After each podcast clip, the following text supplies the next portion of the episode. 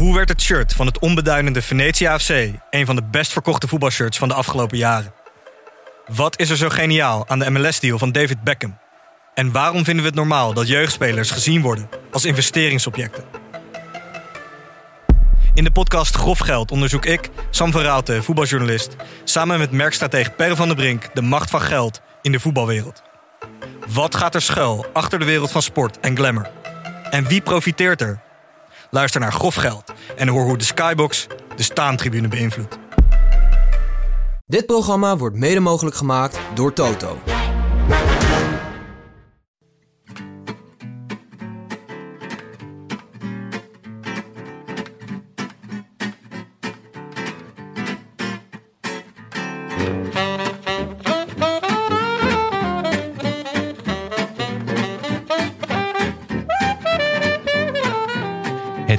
Vrijdag 10 december 2021 en live vanuit de Dagnacht Studio's in Amsterdam-West is dit de Rode Lantaarn.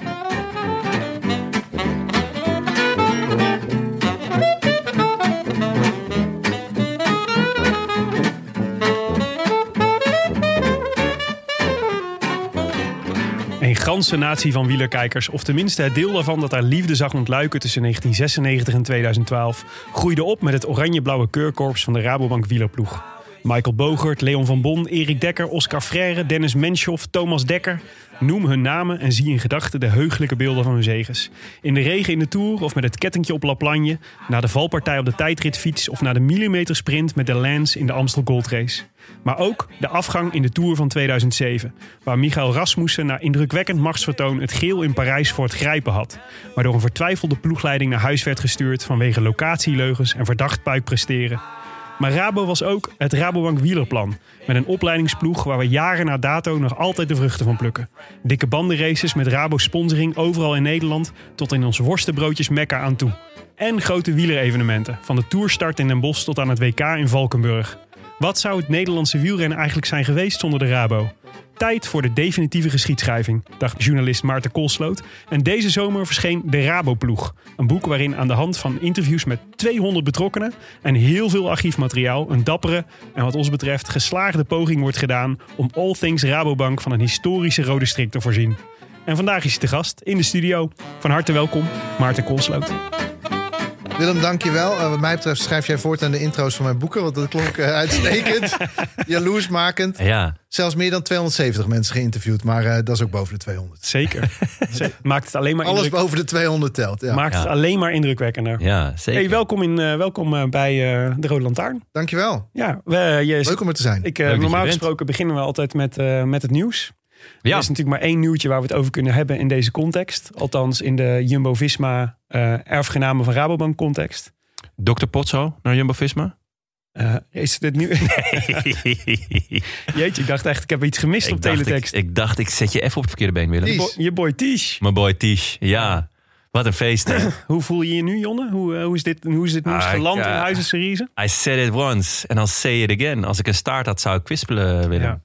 Ik heb hem eh, persoonlijk gefeliciteerd. Ja. En hij was er zelf ook zeer content mee. Ja, dat snap ik. eh, dat, eh, Dubbel, dubbel content, denk ik, om weg te zijn bij DSM en om te tekenen bij Jumbo-Visma. Ja, ik, daar, daar durfde ik nog niet op aan te sturen. ja.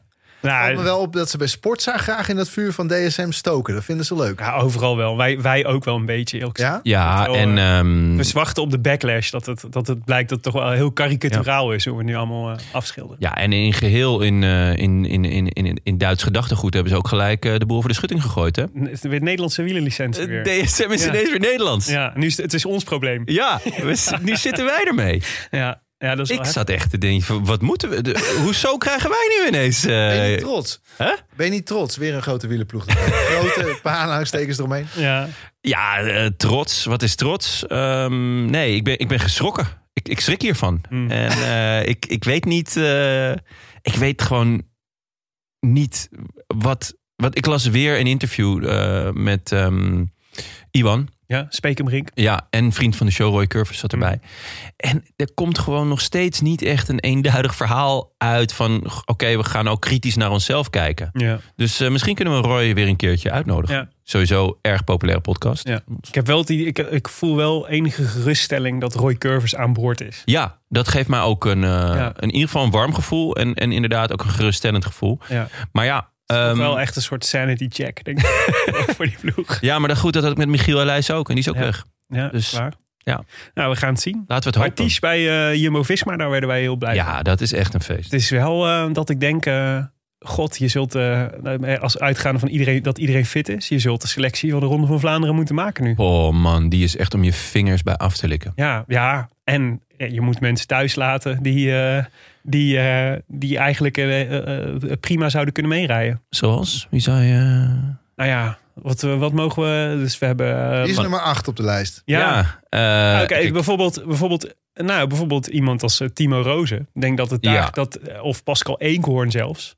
ja, Weet dat, je, dat zijn wel zou- jongens waarvan ik denk, ja, die zouden er net buiten kunnen vallen. Ja. Als je ook Laporte en, ehm eh en Tisch nu erbij hebt. Ja, zeker. Maar ja, als je kan kiezen tussen Tisch, eh, Laporte, Eenkhoorn en eh Roos... Ja. dan zou ik het ook wel weten. Ja, Het is toch wel echt, echt, echt een, een niveauverschil. ja nou ja. ja, ja, nou ja, ja, dat Ja, wordt, ik ja. ben blij dat ik die keuzes niet hoef te maken. ja, nee, top. Ah, Hey, het seizoen ehm, is lang hè Willem? Er zijn ook nog veel andere wedstrijden. Jonne, wij hebben huiswerk gedaan. Ja, Al, eh, al even geleden, want deze special is al enige tijd in de maak. Klopt ja. Wij hebben ons, eh, wij hebben ons eh, verkneukeld over eh, hoeveel pagina's? ja. 360 pagina's over de Raboploeg. Dat is meer dan een pagina per mens die hij gesproken heeft. Ik, eh, ja, precies. ik, eh, ik, Zo heb ik het ook ingedeeld trouwens. Ik heb ze allemaal gewoon een pagina Allemaal één pagina, ideaal. Wat heb jij te zeggen over dit project? Nee, maar ik begon de intro natuurlijk met eh, de, de, de, de ganse natie van wielerkijkers die opgroeiden met de Rabobank. Check. Eh, wij horen er allebei bij, hè? Zeker. Ik, eh, ik hoor daar ontzettend bij. Ik ehm, zag dit boek. Ik was heel blij dat het er was. Aan de ene kant. Aan de andere kant was ik ook. eh, eh, voel ik me een beetje in mijn zak gescheten. Want eh, zoals. Hoe zit dat? Nou ja, zoals Willem. Eh, die, die momenteel gewoon even. zijn- en me helpt. Dier in, mijn oog, dier in zijn oog giet. Helemaal. Oh, leuk. is- en er zijn camera's bij, Willem. Ja. Dit ga ik even noteren hoor. Ga even naar de mensen Zesde thuis. minuut. Ah, dit was een leuke teaser. Zesde minuut buitenkant paal. Ja, en eh, Willem gooit gewoon even een biertje op zichzelf. in. Ik wou namelijk, eh, wij hebben ooit eh, een dubbele aflevering gemaakt over Jumbo Visma en Ja. Jotto Lumbo. En ik wou eigenlijk eh, een, een, een serie daarvoor nog maken in deze winterstop over, over de Raboploeg. En ehm, eh, ja, toen zag ik ineens dat eigenlijk al het werk al was gedaan door jou. Je hebt een super grondig en een super goed boek geschreven. Ehm, en met name eigenlijk vanaf het moment dat ik je, je intro las, was ik echt verkocht. Want Dat is de intro van Willem net, hè? dat, die, die luister ik. Nee, die, jouw intro over hoe jij naar de Rabobank ploeg eh, kijkt. Zo heb ik ook eh, naar het wielrennen gekeken. Ik, ik zat toen nog niet zo diep erin. Mhm. Eh, maar wel, ja, dat shirt, dat had echt, echt iets magisch. En, en, eh, en de renners hadden dat daardoor ook. Vanaf van welk jaar ben jij, Maarten? Ik ben geboren in 1982. Ah, dus jij hoort ook bij deze generatie. Zeker. Van de- die- Ja, daar hoor ik opgegroeid zeker met de. Rabobank. Ik moet wel zeggen, ik, ik ben blij dat ik hier ben. Want, want de luisteraars weten dat niet. Maar de ballotage om hier aan tafel te komen is werkelijk ongekend. Zeker. Want ik hoorde jullie deze... Was het zomer? Zei Ja. iemand iets over mijn boek? Nou, altijd Ja. leuk. Dus ik stuur heel beleefd een mailtje. Van nou ja, als je wilt, dan kom, dan kom ik. Ja, Vervolgens was het, no, no, no, no, don't call us. We call you. nou, dat duurt dan een paar maanden. Dan heb je iemand aan de lijn. Dan is het van, ja, je kan komen. Wanneer? In december. Oké, oké, prima, goed. ja. Maar daar komt nog het voorgesprek. Nou, dat bleek een soort van KGB-achtige overhoring van een paar uur te zijn. ja dat is Willem. Dat is Willem. Ter voeten uit. Ah, je hebt Jan Raas gesproken, maar hoe weet je zeker dat hij het was? Heb je zijn DNA afgenomen, weet je wel? Nou, dat was heel ingewikkeld. Ik, oké, oké, oké, we zijn er, we zijn er. Nee, nee, nee, nee, nee, nee. Wil je nog even een paar podcasts van ons luisteren? Nou, dat bleken exercities van iedere paar uur te zijn. Zeker. Dat gehad. Of je ook nog even je eigen boek wil herlezen... zodat je alle details goed weet als je komt. Ja. Dus jongens, ik ben eh, tot de tanden toe bewapend... en er helemaal klaar voor. Ik ben heel erg benieuwd. Ja, Ja, een goede introductie. Ja, maar ik ben Ja. blij dat onze luisteraars ook eens horen wat er, wat er, wat er allemaal voor nodig is om zo'n podcast te maken. En, om- en om hier aan te hè, schuiven. op dit niveau. Op dit niveau, ja. zo zie je maar weer. Het klinkt allemaal zo makkelijk. Ja. is ik, het ik niet. ben helemaal opgegroeid. Hele eh, ballotagecommissie en Willem gooit begin, binnen zes minuten drank over zichzelf. En Dat gaat wel eh, een beetje onze... dacht jij dat het niet was voorbereid? Alles is in scène gezet. Dit is voor de social content. Ja, dat is voor de socials. Nee, maar de, de eerste dagen dat Rabo kwam, was ik, eh, dat aangekondigd werd, was ik denk 13 nog geen 14. Ja. Dus ja, dat is wel een leeftijd. Ik ben opgegroeid gek van sport. En eh, dat maakt op een puber en een tiener veel indruk. Dus daar ben ik helemaal mee vergroeid eigenlijk. Ja. Ja. Dat maakt het soms ook moeilijk om te schrijven hoor. Want dan heb je die, die denkbeelden die je als kind in je hoofd hebt. Dan moet je dan soms hele andere dingen eh, tegenover zetten. Andere feiten, andere interpretaties. En eh Ja. dat heeft een paar jaar gekost. Ja. Hey, ehm, Heeft een even, paar jaar gekost, ja. Even, precies. Even Ja. helemaal terug naar het begin. Ja. Ehm, eh, jij bent journalist. Eh, hebt al eerder boeken geschreven ook. Klopt ook, ja. Eh, onder andere over de Halman-broertjes, Ja. honkbal. Eh, wat een beetje een tragisch verhaal, of nou een beetje, of een zeer tragisch verhaal is. Moeilijk verhaal. Ja. De ene, de ene broer die de andere... ja, twee honkballers uit Haarlem, Jason en Gregory Halman. nu ongeveer tien jaar geleden. Ja. In november, nu was het tien jaar geleden. En ehm, Jason in een psychose steekt zijn broer Gregory dood. Twee jongens die enorm close waren. waarvan heel veel mensen, zeker in de directe omgeving, niet begrepen waarom het gebeurde. Ja, Ehm, ik volgde in die tijd veel honkbal en heb daar een reconstructie van eh, gemaakt. Eh, ja, dat, dat is een afschuwelijke geschiedenis. En het is nog altijd. Ja. Voor iedereen die erbij betrokken is, eh, vreselijk. ja, maar dat was jouw vorige boek. Ook een aanrader. Een van de vorige, ja. Ja, en ehm, hoe kwam jij erbij om eh, over de Rabo te gaan schrijven? Ja, dat is niet eens mijn eigen idee. Ja, dan zit je maar weer. in. Maar hij krijgt wel de alle credits. Zo Hugo van der Parre. Dat is een collega van mijn vriendin. En hij werkt bij de NOS. Ik zal niet zeggen waar mijn vriendin dan werkt. Maar ehm, de, na dat, dat boek Strikeout eh, hadden Hugo en uh, Josephine, mijn vriendin, contact. En, en Hugo zei, ik heb een paar ideeën voor Maarten. Nou, prima. Eh, toen zijn we een keer gaan lunchen. Ik denk dat dit al in 2015 of zo is geweest, in de Mhm. zomer. Ehm, en hij heeft toen, ik geloof, drie ideeën aan mij voorgelegd... waarvan ik de andere twee echt kwijt ben. Uh, maar hij zei, de Rabobank heeft geen biografie, de Rabo-ploeg. Ja. Zijn dat klopt. En ik vond het ook wel meteen een, een, een, goed idee. Ik kon niet echt een argument verzinnen waarom het geen goed idee was. Maar ik heb er wel mijn jaren mee geworsteld om er iets van te maken. Omdat het was, ja, het idee was leuk. Uh, maar er was natuurlijk al veel gemaakt. En daar hebben Hugo en ik toen ook wel over gehad. Dus is er veel gemaakt over de Rabo Veel geschreven. Hè? De, ja. bedoel, uh, zelfs uh, Thomas Dekker, uh, wat is die? 5, 6, 37 heeft ja, al eigen twee of drie boeken. Ja. veel over zichzelf. Ja. Michael Bogert heeft er meerdere gemaakt. Nou ja, zo kunnen we doorgaan. Dat is heel veel, ja. ja. exact. Een paar documentaires natuurlijk ook. Ja, wel. Zeker. Ja, dat is natuurlijk, en plus dat een heel legertje journalisten 17 jaar de ploeg heeft gevolgd. Dus er is, ja, hoe ga je dan iets nieuws doen? Mm goed, een biografie is iets anders dan hè, de, de producties die we net noemden. Ja. Dus um, ja, ik heb tegen Hugo vrij snel ja gezegd. Maar ik heb ook wel gedacht, ik, ik heb dat wel gezegd omdat ik Hugo een aardige man vond. Mhm. Mm -hmm. Een aantal jaar lang. En omdat ik zelf, uh, nou, kwam ik vervolgens een paar jaar lang toch niet echt in de buurt van een uh, goede biografie. Ja. Uh, omdat het denk ik alleen maar kon door het op met de manier te doen zoals het nu gebeurd is. Dus echt zoveel mensen interviewen. Ja. Omdat je dan toch een paar nieuwe dingen vindt. Je moet heel breed kijken naar die groep mensen om nieuwe dingen te vinden als er al veel gedaan is. Uh, dus dat werd wel een beetje een martelgang. Het heeft Maar ook wel ja. tijd stilgelegen hoor, Ja, zo nu en dan. Maar een Ja. van de, een, want dat was een van de dingen die meteen heel erg opviel. Hè? Dus, dus los van, we hebben er allebei van genoten. Omdat het ook, het brengt je ook ah, het brengt je heel erg terug in die tijd, volgens mij. Het, het zet dingen in context die die je toen misschien op een andere manier erva- eh, hebt ervaren. Ja. Eh, en het is inderdaad een geschiedenis. Het is echt een, het, is, het beschrijft de geschiedenis, er zitten goede anekdotes in.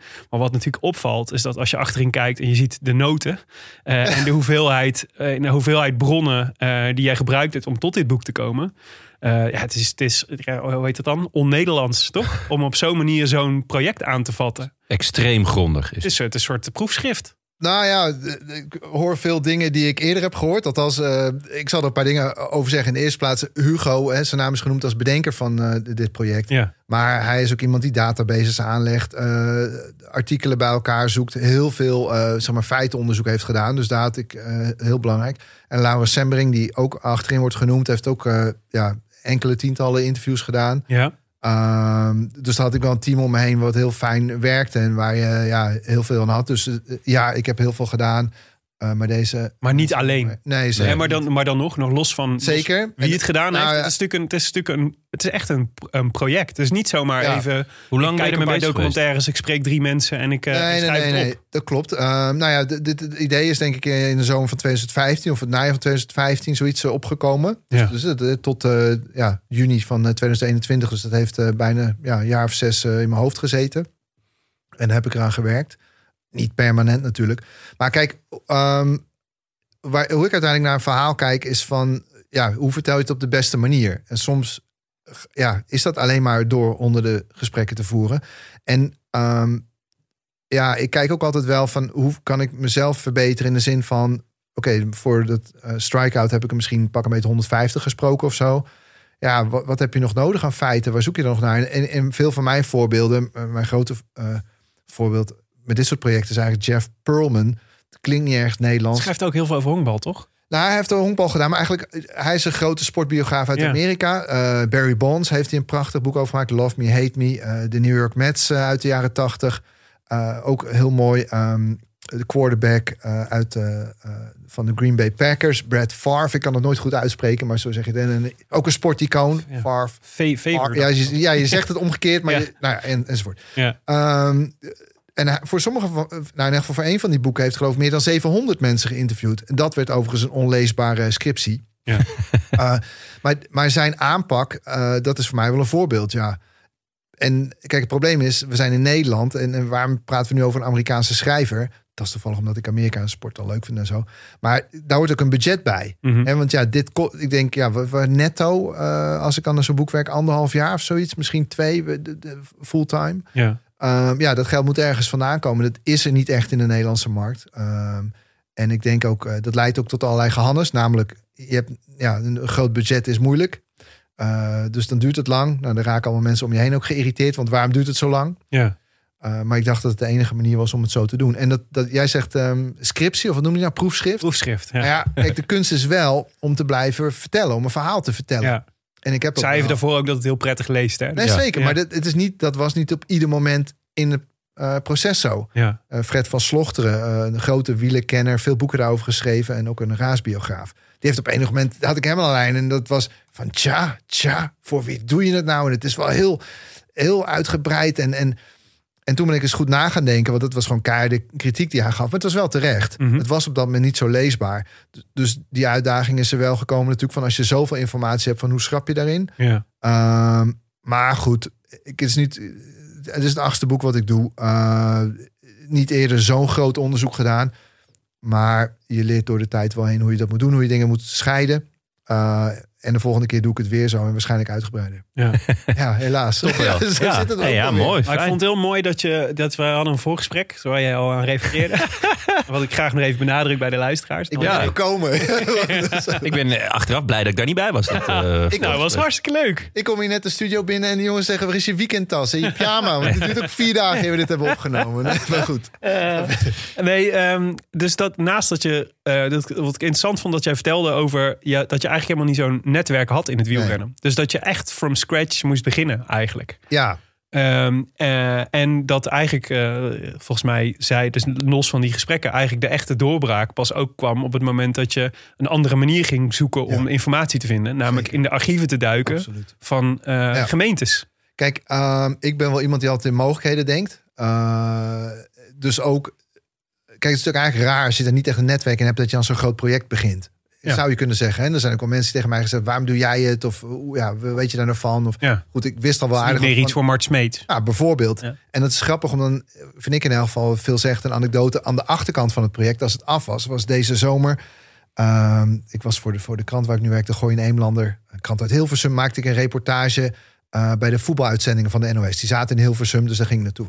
En daar ontmoet ik een, eh, een oud collega van de, van de NOS Sport, waar ik ook even heb gewerkt. En die, eh, hoeveel name dropping te veel, te weinig? Nee, maar ik kwam Ja, iemand tegen. Dat was Dat een goed. grote wielerkenner ook binnen de NOS. En die zei tegen mij van, ja Maarten, je hebt je aan Raas gesproken, maar Mart Smeets heeft het geprobeerd en Jean Nelis heeft het geprobeerd. En hoe kan eh, eigenlijk, hij zei, nou ja, voor mij zei hij het ook letterlijk, hoe kan het nou dat jou dat wel gelukt is? ja. En dat vond ik eigenlijk, we komen straks wel op Jan Raas. En, maar ik vond het eigenlijk heel grappig dat die manier waarop hij erover dacht, ja, daar heb Ja. ik natuurlijk jarenlang eh, ook mee te maken gehad. Of, of, en, en ik denk uiteindelijk dat hij wel een, een punt had dat je er toch veel kennis over moet hebben eer je bij Jan Raas komt. En ik heb dat wel onderschat hoe ingewikkeld die wielenwereld kan zijn om er goed in te komen Mhm. komen we terug naar waar je vraag eh, over gaat. Ja, het eerste doe, wat ik doe is, ja, welke wielrenners ken ik? Ik was ooit met Danny Nelissen voor ehm uh, Alp du 6. Ik schreef toen voor een stuk voor, eh, was het toen al Wielermagazine, denk ik, de Mhm. opvolger van Wielerrevue. Of althans de, de afsplitsing van Wielerrevue. Eh, een stuk over dat Alp du 6 en, en Danny was erbij en eh, Jeroen Blijlevens ook. Dus ik denk, nou, ik bel Danny op. Misschien weet hij nog wie ik ben van eh Ja. vijf, zes, zeven jaar geleden. Ik denk niet dat hij dat nog goed wist, maar het, het slechtste nieuws was dat hij geen zin had. Mhm. Hij had allemaal negatieve associaties met Rabobank en gezeur over doping. En, en Ja. ja, het was een heel. Ja, hij had er geen zin in. We hebben wel een tijd met elkaar aan de lijn gehangen. En het gaf wel wat inzichten. Maar dat was, ja, ja, ja, ja, dat was wel een harde nee. Weet je wel. Dus dat was. Ja, ik was door mijn enige bron heen, zeg maar. Ja. En dat, toen dacht ik wel van ja. Toen merkte ik al, en dat merkte ik door al die gesprekken heen, de heel veel negatieve associaties met die Rabo-ploeg. Wat voor heel veel mensen de drempel om te praten hoog legde. Ja. Want eh, of ze zijn eh, ontslagen daar vanwege doping, of ze denken dat het alleen maar over doping gaat als je het erover hebt. Ja. Allemaal. eh, En ook nog eens, heel veel van die wielrenners zijn best verwend met aandacht. Het is niet zo dat ik een vergeten honkballer opbel. Ik, goh, eindelijk is iemand die me belt. Die mijn verhaal wil horen. Nee, de meesten denken er is de honderdste en dan vraag weer naar hetzelfde. Ja. Doping of geze- gezeur of vervelende dingen. Ehm, kijk, het einde van de ploeg was natuurlijk ook vervelend. Ja. Ze zijn niet uit wilde gestopt. Of niet in een gele trui gestopt. Hè? Dat is natuurlijk een, ja, een beetje door de achterdeur eruit. Ja. Ehm, dus ja, ik begin, begon op een gegeven moment wel te begrijpen... van ja, je zit hier wel steeds in een wespennest te duwen. En dat is toch lastiger werken. Maar, eh, nou, we geven niet op. Of ik geef niet op. Eh, en Hugo zeker niet. En Laurens gelukkig ook niet. Maar op enig moment eh, heb ik wel bedacht van ja, ik bel die mensen op. En wat ook gebeurt, je belt mensen op die vertellen jouw verhalen. En vervolgens sla je een ander willeke- willekeurig wielenboek open. En er staat hetzelfde verhaal al in. Dus is het al verteld? ja, dus dan denk ik, ja, we- Ja. ja, onder andere had ik dat met Michael Bogert. Ja, dan denk je wel, waar heb ik nou mijn middag weer aan besteed? Hè? Leuk gesprek, maar niks nieuws. Ja. Ehm, en toen dacht ik, was eigenlijk één ding wat we snel gedaan hadden, was bij Rabobank vragen, wat hebben jullie nog aan archief? Die zeiden, oh, how convenient. We hebben weinig meer. Mhm. Maar ja, eh, ja, dat moest ik dan maar aannemen. Dus we zijn daar, ze wilden het wel openstellen, dat archief. Het was een archief van Herman Wijfels, die overigens eh, zeer ruimhartig heeft meegewerkt aan iedere fase van dit project. Eh, zelfs in de publiciteitsfase, toen de meeste wielrenners toch echt onder het bureau eh, doken, toen ze weer hoorden over doping en gedoe. ja. Maar goed, Wijfels niet, die, sto- die staat voor de zaak. Maar hij zei, jij mag mijn archief inzien, daar ligt bij de, bij de bank. En, eh, nou, dus we gingen erheen, Hugo ging mee. Dit is denk ik in 2016 geweest, dus al vijf jaar geleden. En daar stonden wel, hè, dat waren wat transferbesprekingen, wat PR-plannen voor als er doping in het spel kwam. Best wel leuk. Het was niet, niet veel, het waren een paar mapjes, het waren misschien ja, 100, 200, 300 pagina's. Niet eens krankzinnig veel, maar wel ja, gewoon mooie nieuwe details. Ja. Je hoorde Jan Raas eh, praten, je hoorde ik, wat mensen die ik niet kende, die daar in de plannen stonden. Maar er waren dan gewoon notulen of zo? Van Ja, vergadering. natuurlijk, brieven, Ja. ja. ja, verslagen, plannen. WVT Het wielerplan, zat dat er ook al bij? Nou ja, en dat vond ik dus dat vond ik eigenlijk heel leuk. Eh, want, want ik las in een van die stukken de naam van een zekere Kees Vermunt. Ik had nog nooit van de beste man gehoord, behalve dat ik op een gegeven moment een paar jaargangen van Wielerrevue ben gaan lezen. Hele jaargang en dan ook ieder artikel. Ik kan het je niet eh, aanraden. Maar ehm, en eh, Kees Vermunt schreef daar columns in. En eh, dit, dit was in de jaren, dus dit waren Wielerrevues uit 4, 5, 96. Ik wilde de context van die jaren snappen, wat er in het wielrennen speelde. En Kees Vermunt had dan een trainings, eh, een verhaaltje over training. Ja. Uh, over SRM-meters toen al. En, en allerlei dingen die toen echt ja, hoogdravend nieuw waren. En hij was een soort van had zichzelf geleerd over training. Maar hij, hij ging eigenlijk in de columns tekeer. In de mega conservatieve wielenwereld. En hij had allemaal nieuwe ideeën. En diezelfde man die stond in die, in die, in, eh, ja, in die archieven van de Rabobank. Dat hij de Rabobank dan eh, eh, gewoon een brief stuurt van... Hey, jullie beginnen een wielenploeg. In september 95 wordt het aangekondigd. Ik ben Kees Vermunt. Ik weet alles van wielentraining. Jullie moeten mij hebben. Dat is ongeveer de toon van iemand die echt met zijn vingertje omhoog gaat. Van de baby. dus dat vond ik heel grappig. Dat iemand die ja, gewoon getypte brieven met bureau Vermunt erboven. En gewoon, ja, een open sollicitatie. ja, letterlijk. En dan zie je vervolgens ook dat iemand binnen die bank zegt... nou, ga maar eens met hem praten. En dat Ja. hij vervolgens een, een plan indient... met allemaal ideeën en, en, eh, en ook tekeer gaat hè, tegen de ouderwetse mensen. En diezelfde mensen die hem moeten inhuren... ga- gaat hij feitelijk tegen tekeer. Dus dat vond ik, heel, dat vond ik wel grappig. En ik vond het eigenlijk... En hij schrijft dan ook een plan, wat, wat ook lijkt op het wielenplan. Maar ik heb hem daarna nooit meer gehoord. Dus ik dacht daar wel van, hoe kan dit nou? Daar zit Ik- iets. Ik lees hier van, Ja. die man heeft Ja. echt allemaal ideeën die ik ook terugzie. En er wordt ook best wel goed op gereageerd. Hij mag de opdracht gaan doen, hij mag gaan schrijven, maar hij is wel weg. Ja. En nou ja, dat is dan iets waar ik heel erg, ja, daar word ik heel erg wakker van. Ja. En daar blijf ik dan volgens jaren over doorzaniken. En, en dan vind ik uiteindelijk dat die. Dus, dus nou, dit was het begin. Moeten we cliffhangers? Ik ga niet meteen. Ja, ja, nee. ik- Nou ja, ja. Kees Vermunt, laat hem vooral terugkomen. Ja. Ehm, maar toen merkte ik wel van, oké, documenten helpen dus. Want ja, dan zie je originele gesprekken, gedachtegangen uit die tijd. Ja. herinneringen vervagen. Mensen die al vaak zijn geïnterviewd, die hebben... En dit is natuurlijk ook iets eh, en, en, eh, dat moeite kost. Ja. Dus, dus wat, waar de, de, journali- de meeste journalisten die, of, eh, die even kort snel een verhaaltje willen Ja. maken, duiken niet het archief in. Die, spreken, die bellen misschien wel even met Michael Bogert. Ja. eh, van hey, hoe heb jij dit herinnerd of hoe zit dit? Maar Moet dit je ook zeker doen, is hartstikke leuk. Zeker, maar wij doen wij met liefde. Ja, zeker. Graag Altijd zelfs. als elk excuus dat we hebben om met Michael Bogert te, te, te bellen, grijpen, we- Of- grijpen we aan. Of om hem te lossen natuurlijk. hè, Of om hem te lossen op een bergje in Harrogate, absoluut. Maar ehm, eh, Dat hebben luisteraars vast al vaker gehoord. zeker, ja, ja, ja. Ah, zeker. vaak is, is een understatement. te weinig. Heel vaak. Ik denk dat het elke tien minuten wel langskomt in, eh, in de Roland Tuin. Zeker. Maar dit, dus de, dit is natuurlijk. eh, het interessante is natuurlijk dat, het, dat, eh, dat nieuwe dingen zijn. Dus Ja. Waarschijnlijk had nog niemand ooit dat, eh, dat Rabobank wielerarchief eh willen bekijken. Nou, dat weet ik niet zeker. Ik heb de indruk dat de schrijvers van Bloedbroeders dat destijds ook hebben gedaan. Oh ja. Uh, ik weet het niet 100% zeker, maar die, die indruk heb ik. Boek over Bogert. Ja, ja, het boek over een heleboel doping, Ja. eh, maar ook over Michael Bogert, ja. En over Rasmussen en eh, Ja. Thomas Dekker. En eh moet er nog meer over zeggen. Het schitter, ik vind het een Ja. fantastisch boek. Zeker. Binnen de eh, ploegleiding van de wielerploeg vinden heel veel mensen het afschuwelijk boek. Maar goed, om hun eh, moverende redenen. Maar eh, eh, ik vind het een fascinerend. Ja, zeker. Ehm, Steven Dirks en Dolf de Grote maar eens genoemd. Eh, mooi werk. Maar we kwamen hierbij. Dus nou ja, dus het, kost, ja, het, kost, het kost moeite om op zo'n manier te. Ja. dus- en het geeft je dus iets, eh, iets origineels en Ja. iets nieuws. Want je stuit op iets wat, wat, wat, eh, wat anderen nog niet hebben ontdekt. Ja, en ik vind dan ook, kijk, ik ben dan ook wel iemand die dan zo'n Kees Vermunt zo fascinerend vindt dat ik dat echt helemaal, ja, alles van wil weten. En, en ik denk heel veel mensen denken toch Kees Vermunt, we hebben er nooit meer van gehoord, wat moet ik ermee? Ook Hugo heeft het wel tegen mij gezegd. Van ja, Maarten, wat ben je nou aan het doen met die Kees Vermunt? Alleen ik had eigenlijk heel snel door dat dat, dat hij toch een, kijk, als je het hebt over het Rabobank wielenplan, eh, dus dan gingen mensen ook vragen van het wielen, wie heeft nou dat wielenplan gemaakt? Nou, Ja, daar zijn eh, een aantal mensen die dit claimen, toch? Ja, ja, zo, zo ja. heel eventjes, want even, Ja, voor- even vooraf. Want, Ja. want eh, de archieven wil je nog. Ik moet nog één ding zeggen over ja, archieven. gang. Ja? nou ja, dus dat, dat bankarchief was één. En toen heb ik op een gegeven moment bedacht, toen de zoektocht zo moeizaam ging, Ja. dus weinig mensen wilden veel zeggen. Waar zijn nou nog meer archieven?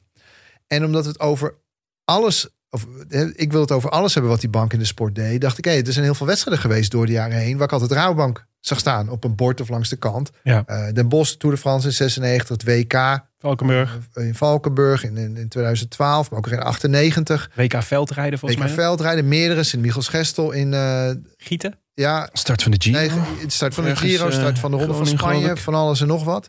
Eh, Gieten weet ik niet of het nou het WK was. In Zeddam in elk geval WK. Hmm.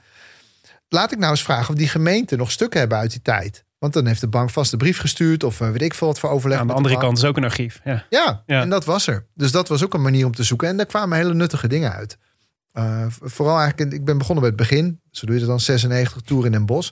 En zal ik één ding over noemen. Wat mij dan heel erg hielp. En dat was een enorm archief. Echt, in Den Bosch hebben ze alles bewaard. Eh, maar dan, ik dacht, ja, waar te beginnen? Er lagen foto's van, van alle drempels die verplaatst waren voor de Tour de France. Van bizar, weet je wel. Eh, Gewoon te veel details. Alleen, ik dacht, nou, financiën, altijd leuk. We gaan eens beginnen bij de financiën. Dus er zat een factuur bij van Mart Smeets... die daar voor eh 5000 gulden praatje kwam houden. bij het evenement die later moest verslaan als journalist. Maar... Dat is kwam- op zijn minst dubieus. Goed dat dit genoemd is. dat Ja, is, eh, leuk. Opmerkelijk, opmerkelijk. Dus dat, dat, toen moest ik wel een beetje gniffelen. ik heb wel een eh, manier gevonden om in het boek kwijt te kunnen. Maar dat vond ik al grappig.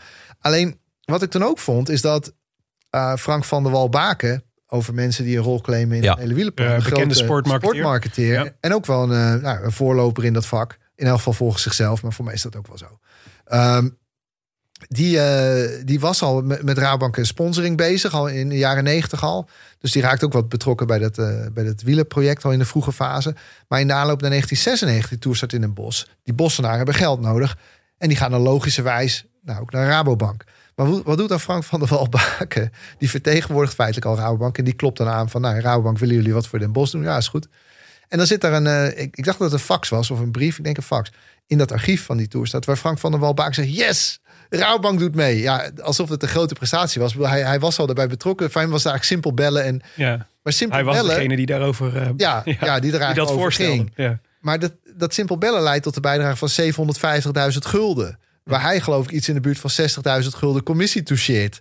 En dan ook, eh, fantastisch, de factuur zit er ook bij. Dat eh, Van der Walbaken dan eventjes dat geld... Ja, ik, ik Ja. vond het hilarisch. Ja, het zijn mooie Heel details. geestig. Ja. Dus toen dacht ik, oké, Uh, en daar stonden nog wat dingen in met de Rabobank. Onder andere, ja, dat, dat gehannes en gedoe. Er ontstaat allerlei ruzie. De, de, de, de, de organisatie die heeft geloof ik ook een relatie met Van Landschot. En er staat opeens Van Landschot ook als sponsor ertussen. Dat vindt de bank weer niet leuk. Dit is allemaal saaie details voor de luisteraars. Alleen het werd maar wel duidelijk dat wat aan de buitenkant werd gepresenteerd als dit mega succesvolle plan en alles ging van een leien dakje. Dat er zelfs over dit soort sponsordingen veel gehannes was. Ja. En dat stond gewoon zwart op wit. Even, want er is, de, dus de biografie van de Raboploeg. Het had ook de biografie van eh, het Rabobank wielerplan kunnen, Ja. kunnen zijn. Ik want weet je niet gaat- dat dat gekocht had. Nee, nee, maar de, het is ik wel. Het, het is wel in, dat Rabobank wielerplan is natuurlijk wel de kern. Dat is eigenlijk. Dat is het, eh, want. ehm, eh, want laten we dan even terug naar het begin. Dus, eh, dus ehm, de- we zitten in ehm, eh, 1996. Of eigenlijk de periode voor We 1996. moeten nog 17 jaar, hè? Heb je nog- Ja, Ja, ik wou net zeggen, we zijn, we we, zijn gaan goed nu, we gaan nu stappen maken. Maar even voor, voor 1996 hadden we Buckler, Word Eh, PDM. PDM. eh, Panasonic? ja, de, nee, Panasonic was een andere ploeg. Nee, we hadden vier tegelijk. Nou, we Ja. krijgen de vier. Is dat was Super Convex er ook nog bij? Of is dat de Ah, ja. nee, voorloper Ja. van Word Perfect? Ik krijg Ja. de vier namen even niet eh, nu achter. Maar Nou, maar we hadden in ieder geval... hadden er vier. Voor, eh, voor eh, ehm, Rabobank was het Nederlandse wielrennen in crisis geraakt, volgens mij. Hè? Dus we hadden, een, we hadden lang de periode gehad met eh, Post en eh, Raas. Die Ja. allebei een eigen grote ploeg hadden. Die ook super succesvol waren. En daar ontstond op een gegeven moment een gat. En eigenlijk, Teunissen, Rooks, Breuking, dat was voorbij. dat was voorbij. De, de, de, de, PD, gouden PDM-tijdperk als zat daar natuurlijk ook nog in. Eh, maar dat was voorbij. En eigenlijk kwamen we in een, kwamen we in een crisis terecht. En Jan Raas was nog eh, een, eh, een, eh, een grote naam en een grote Ja. ploegleider. En die moest eigenlijk eh, op zoek naar nieuw geld. Eh, nieuw geld om een nieuwe, om een nieuwe ploeg op te bouwen. Hij moest zeker op zoek naar nieuw geld. En dat was ook best een eh, penibele situatie. Want er waren in 95 al aardig wat brieven verstuurd eh, door eh, Pieter Hubert en Jan Raas. Zijn, zijn zakelijke rechten. Ja, zijn rechterhand. Zeer belangrijk voor Jan Raas. Echt ja, chef de bureau of zo is, is, is nog een te lichte term. Dat is echt wel een man met heel veel verdiensten voor dit project. Overigens vorig jaar zeer tragisch overleden na een val in de sloot. Of bij een val in de sloot. Ehm, zo zien we, er komen ook allerlei raar gebeurtenissen in zo'n boek voorbij. Eh, maar zij zoeken echt nadrukkelijk naar een sponsor. eh, en en dat, dat werkte eigenlijk eh, niet goed. Maar nou, nou heeft Jan Raas een soort van een vriend, een man uit Zeeland. Ben ik, verdorie, even zijn naam kwijt. Ehm, maar daar kom ik zo daar Ja, maar niet. wellicht nog wel op. En die man uit Zeeland, die rijdt wel eens met Raas mee in de koers. En die man is ook een één dag in de week een bestuurder bij Rabobank. Mhm. Dus die zegt, nou wacht eens even, je moet Wijfels, eh, Herman Wijfels proberen. Op dat moment de hoogste baas van, eh, van Rabobank. Ja. Dus zo komt dat eh, contact eigenlijk tot stand. Ja. En Lutijn heette meneer uit Zeeland. Een eh, ja, bestuurder op allerlei vlakken en ook, Ja. een, eh, en ook bij Rabobank. Dus zo wordt dat lijntje gelegd. En nou, Wijfels die zoekt contact, of Wijfels krijgt uiteindelijk contact met Raas. Ja, die zijn het er vrij snel over eens. Ook Wijfels blijft in dat project wel een soort van beschermheer van Raas. En ik vind ook wel uh, dat in dit boek ook wel duidelijk wordt. Raas zegt daar zelf ook wat over. Want er werd natuurlijk vaak al over gefluisterd. Ja, Wijfels was een beetje de man die Raas nog uh, en het zadel hield. Maar Raas zegt daar in ieder geval zelf wel dingen over... die daar ook wel degelijk op wijzen. Die dat min of meer bevestigen. Ja. Dat is voor mij ook wel voor het eerst dat hij dat zegt. Maar die, zo komt die relatie eigenlijk uh, tot stand. Dus ja, via bekenden van Jan Raas. Herman Wijfels, uh, ook, ook toen al bekend als groot wielerfan ja, zelf. Dat zal ongetwijfeld hebben meegespeeld. Hij had ook wel eens meegereden in de auto met Jan Raas. Oh ja, ja. En Raas zegt ook wel dat het toen al wel zo gevallen was... van nou ja, zou dat niet wat zijn en zo. Maar dat was toen niet aan de orde. Alleen in 1995 uh, speelt dat Rabobank ook een nieuwe, uh, ja, uh, hoe noem je dat, huisstijl heeft. Ja. Dus onder andere een nieuwe logo. Nou, we kennen misschien wel dat mensje, want je mag het geen mannetje noemen van de Rabobank, geloof ik. Maar dat mensje die zonnewijzer. Ja, een soort ja. Leonardo da Vinci. Ja. ja. geen man, geen vrouw, maar... En, en, en Wijfels kreeg niet uh, de, de breaktest met het kopje koffie over hem heen. Nou, de breaktest. Is dat de openingsanekdote van het boek zo'n beetje, denk ik? Ja. Nou ja, kijk, dat vind ik uiteindelijk. Uh, bedoel ik, ik hou van anekdotes en scènes en het liefst uh, een goed verhaal begint daarmee. Maar wat ik eigenlijk. Uh, er zit er eigenlijk een grote weeffout, wat mij betreft, in het hele project. Is dat Raas heeft heel veel kwaliteiten. Uh, meer dan boerenslim. veel verdiensten voor de sport als renner, maar zeker ook als leider van die ploeg. Maar het was wel, ik ben hier de baas, ik regel hoe dat gaat. Ja. En hoe, het nou, hoe iemand nou bedacht heeft dat het een goed idee was dat zo'n enorm groot bedrijf als Rabobank en ook wel in vele opzichten keurig of formeel, dat dat met Jan Raas goed samen zou gaan. Of dat die bankiers dachten dat Zo groot en ingewikkeld plan als het wielerplan. Dat je daar hem, eh, Jan Raas erg in kon sturen. Wie dat bedacht heeft, Ja. die mag in het hoekje staan. Ja. Dat, is niet, dat, is niet, dat was geen goed Je had idee. één keer vaker met Jan Raas moeten praten. Het, eh, ja, één keer vaker. Ja. Het fascinerende is natuurlijk dat... Hè, ehm, eh, en we, we komen straks denk ik op de vergelijking met Jumbo-Visma. eh, wat, waar eigenlijk een beetje hetzelfde is Die gebeurd. Jotto Lumbo, want dat vind ik Ja, ja, ja, die zit er nog Oh, tussen. die zit er nog tussen. Die zit er nog tussen. Nee, maar dat ehm, hij gaat eigenlijk, Jan Raas gaat op zoek naar geld om zijn ploeg overeind te houden. Of een, of een nieuwe ploeg te kunnen Overeind bouwen. te houden, want het stond gewoon op omvallen. Ja, precies. En, en komt eigenlijk teru- eh, vindt eh, Herman Wijfels bij Rabobank. En dat wordt eigenlijk groeit uit tot eh, een van de meest ambitieuze wielerprojecten die dit land ooit gekend heeft. Absoluut. Eh, en dat zit al in het, in het, in de, in de, in het, eh, in het plan wat, eh, wat, zij, wat zij samen, wat, wat dan ontwikkeld wordt. Nou ja, Want het gaat niet alleen om een wielerploeg, het gaat om een opleidingsploeg, het gaat om grote evenementen, het gaat om plan voor de, voor de, voor de jeugd om door te laten stromen. Dus het is een enorm, Gewoon het wielrennen in het algemeen. In, Zeker. in heel Nederland naar eh, een, veel omvattend eh, plan. ja, Kijk, naar het een was- hoger niveau. Het was, het was dus niet eens van we kopen een gele truiwinnaar of eh, we kopen een ronde rennen, maar we leiden iemand op die Ja. daar kan komen met allebei behorende ideeën. Wat jij zegt, organisatorisch ideeën voor de wielenbond, ideeën voor wedstrijden, veel veel omvattend. En dat als je er goed over nadenkt, is het natuurlijk feit, best wel. Het, het klonk eigenlijk en het was in de praktijk voor een deel ook wel zo, bijna alsof ze zelf de wielenbond gingen. Ja. Ja. een soort van overnemen. Ja, En, en, en dat is niet helemaal gebeurd. En dat was ook niet helemaal de bedoeling. Maar met zoveel ideeën ontkom je niet helemaal aan en de- zoveel geld. Ja, heel veel geld, zeker. Ja. En wat Voordeel van een bank, hè? Ja, even ook om cijfers te noemen. Volgens mij het eerste jaar was 7 miljoen voor de ploeg en 3 miljoen voor, eh, voor de rest van het wielrennen, toch? Dus ja, voor nou, de nou jeugd. heb ik eh, eh, de opdracht gekregen om alle details uit mijn boek uit mijn hoofd te leren en weer precies te weten. ja, dit is een beetje een overhoring. Ja, dus ik moet zeggen dat ik niet ieder getal nu zullen de direct bonnetjes heb. er niet bij pakken. De bonnetjes. Ja, dit, maar er was in elk geval eh, in de orde van grootte van 5, 6 miljoen voor het team, als ik me niet helemaal vergis. Eh, en, en ook een fix bedrag voor wat er omheen eh hing. Eh, wat ik straks al noemde, hè, als er voor de sponsoring van, van één toerstart in de bos 750.000 gulden wordt neergelegd, eh, een paar dagjes fietsen in Brabant. Eh, dan geef je dat natuurlijk wel een idee van de, Ja. de, de, de, de kracht die erachter zat, financieel Ja. gezien. Maar dat begin is dus meteen grootse ideeën. Kijk, ik denk dat Wijfels begrijpt dat die ideeën hierop toe te passen zijn. Mhm. Maar de man die ze in de bank echt heeft, eh, dat is een man, als je hem eh, zou zien lopen. Ja, je moet trouwens nooit iemand beoordelen als je hem ziet lopen. Maar Gert Sluis, een, in alle opzichten heel bescheiden en, en keurige man.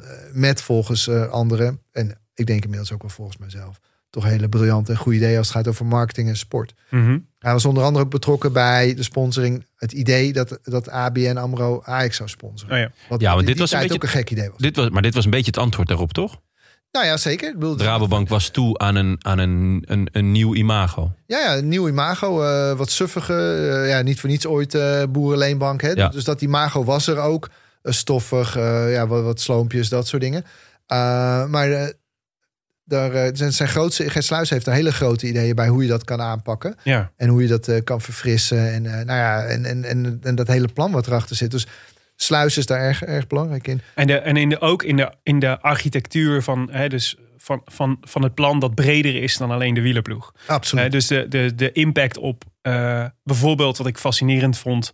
Um, dat toen ik opgroeide, letterlijk elk dorp een eigen ja. uh, dikke bandenrace had. Gesponsord door de lokale ja. Rabobank. En, en dat is ook nog eens wel eens knap, uh, helemaal knap. Want het was niet zoals Herman Wijfels of Gert Sluis zeiden... huppatee, we gaan dit doen. Ja. Uh, dat dan iedere Rabobank een wielervlaggetje ophing of een lokale ronde sponsorde. Het was een, een coöperatie. Dus al, ja. die, al die bankiers zelf, die mochten nog eens beslissen. De lokale bankdirecteuren. Ja. In Delfzijl mocht je gewoon wel of niet meedoen. Hè? Als je ja. geen zin had, dan deed je niet mee. Uh, ze creëerden natuurlijk wel Sluis, Wijfels, de anderen in de top van de bank. Wel het klimaat waarin dat eigenlijk niet, ja, niet meer mogelijk was. Hè? De, de, de meesten deden natuurlijk allemaal gewoon vrolijk mee. Maar het draagvlak daarvoor krijgen in zo'n organisatie is toch ook wel een, uh, een absolute verdienste. Um, maar ook heel erg die, die diepere ideeën van ja, wat, wat bereiken we daarmee? Hè? Een, een, een coöperatieve bank. Ze zijn daar uiteindelijk ooit begonnen hè, voor, dat, zodat boeren machines konden kopen of dat soort dingen. Hè? Ja. De, de, hele tastbare dingen. Uh, niet alleen maar over, uh, hoe zeg je dat, flitshandel of uh, dat geld niet meer tastbaar is, maar dat je het echt kan herleiden naar, mm Mhm. -hmm. doet iets voor iemand. En om daar een project, hè, een, een, een, een sport die daar ook, nou ja, ook een, een volkse sport, die, die het allemaal goed over nagedacht. Ja. Ik vind ook wat ze bijvoorbeeld deden met het veldrijden ook vrij briljant. Voor weinig geld hadden ze de veldritploeg uh, uh, van Richard de wereld. Groenendaal. Ja, ja. Sven Nijs. Ja. En ook, ook dat. Maar al die andere ideeën over het, het opleiden van renners, een heel eigen opleidingsmodel beginnen, feitelijk beginnen ze een soort van Ajax-model voor het opleiden van sporters. Ja. Gaat ook veel dus- bij mis, maar... Maar dus echt waanzinnig ambitieus. ja, ja, dat, is, ja, ja. dat is de, en, de, en dat is een heel interessant contrast natuurlijk met... Voor een sponsor, hè? Want Ja. ik bedoel, we hebben het hier niet over een soort van non-profit of niet een vereniging. Hè? Dat, dat een eh, voetbalclub met leden allemaal ideeën heeft en dat een uiteindelijk, maar echt een, een bedrijf wat zich op treinen begeeft waar ze, waar ze ook niet direct profijt van hebben. Ik bedoel, eh, een van de kleine amateurronden waar dan ook allerlei geld heen gaat. Is dat direct eh, voor die bank? eh, Levert dat wat op? Ik denk het niet. Mhm. Maar dat is ook een hoop goodwill. En, ja, want het is niet dat het, het, het, het. Het heeft de Rabobank toch wel heel veel opgeleverd. ja, zeker. De het rendement was waanzinnig. was zelfs zoveel rendement dat bedoel, meerdere iedereen marketeers wereld. zeggen dat ze te veel rendement hadden. Hè? Omdat ze ook in landen, hè? ze werden ook heel bekend in Italië, Spanje, Ja, waar hun activiteiten helemaal niet zo, eh, hun bankactiviteiten helemaal niet zo super relevant waren. ja. Dus eh, nee, de, de, de, de- ze hebben er veel meer ingestopt financieel ook dan eigenlijk misschien wel nodig was Ja, voor de opbrengsten. Maar ook, ze hadden een enorme drive om er wat van te maken. Want dat vind ik uiteindelijk ook wel. Natuurlijk was het een financieel eh, belangrijk voor die bank. Heeft ze enorm op de kaart gezet. Iedereen in Nederland kende het. eh, De, de enorme groei, weet ik veel wat. Allemaal waar. Maar ergens zat ook echt wel de, de, de wil of, of de, de- om, om er echt wat van te maken. ja, ja nee, het was een Ah. intrinsieke motivatie. Ja, bij, bij een heel aantal mensen vind ik van Ja. wel, ja. Ja. ja. Hey, die, ehm, laten we als we even. Dus het Rabobank wielerplan was heel groot. Ik denk dat we straks nog komen te spreken over de opleidingsploeg. En de, Ja. dat we daar, omdat we daar onder andere nog steeds de resultaten van zien. Dankbaar mij. onderwerp. Ehm, maar de, ehm, als je het in, in, in drie grote periodes zou moeten verdelen. Hè, de, Ja. de, de era Rabobank. Dan heb je volgens mij de periode Jan Raas Tot 2003. tot 2003. In deze periode, in december, vertrekt hij. hè? Ja, Zijn vertreknotitie binnen de bank waar- heette geloof ik... Makkers staakt u wild geraas. Ja. Dat in de Sinterklaastijd werd opgesteld, ja. Ah, ja. Ehm, die periode kenschetst zich volgens mij, eh, als je naar de ploeg kijkt, eh, dat wordt een ploeg, een profploeg gevormd die naar het, eh, eigenlijk naar het be- evenbeeld van Jan Raas Ja. zelf. Absoluut. Eh folk, eh, wij hadden het eerder vandaag over de, de, de absurde erelijst van Jan Raas in de klassiekers. Ongelooflijk. Ja, het- Laten we dat nog een keer zeggen.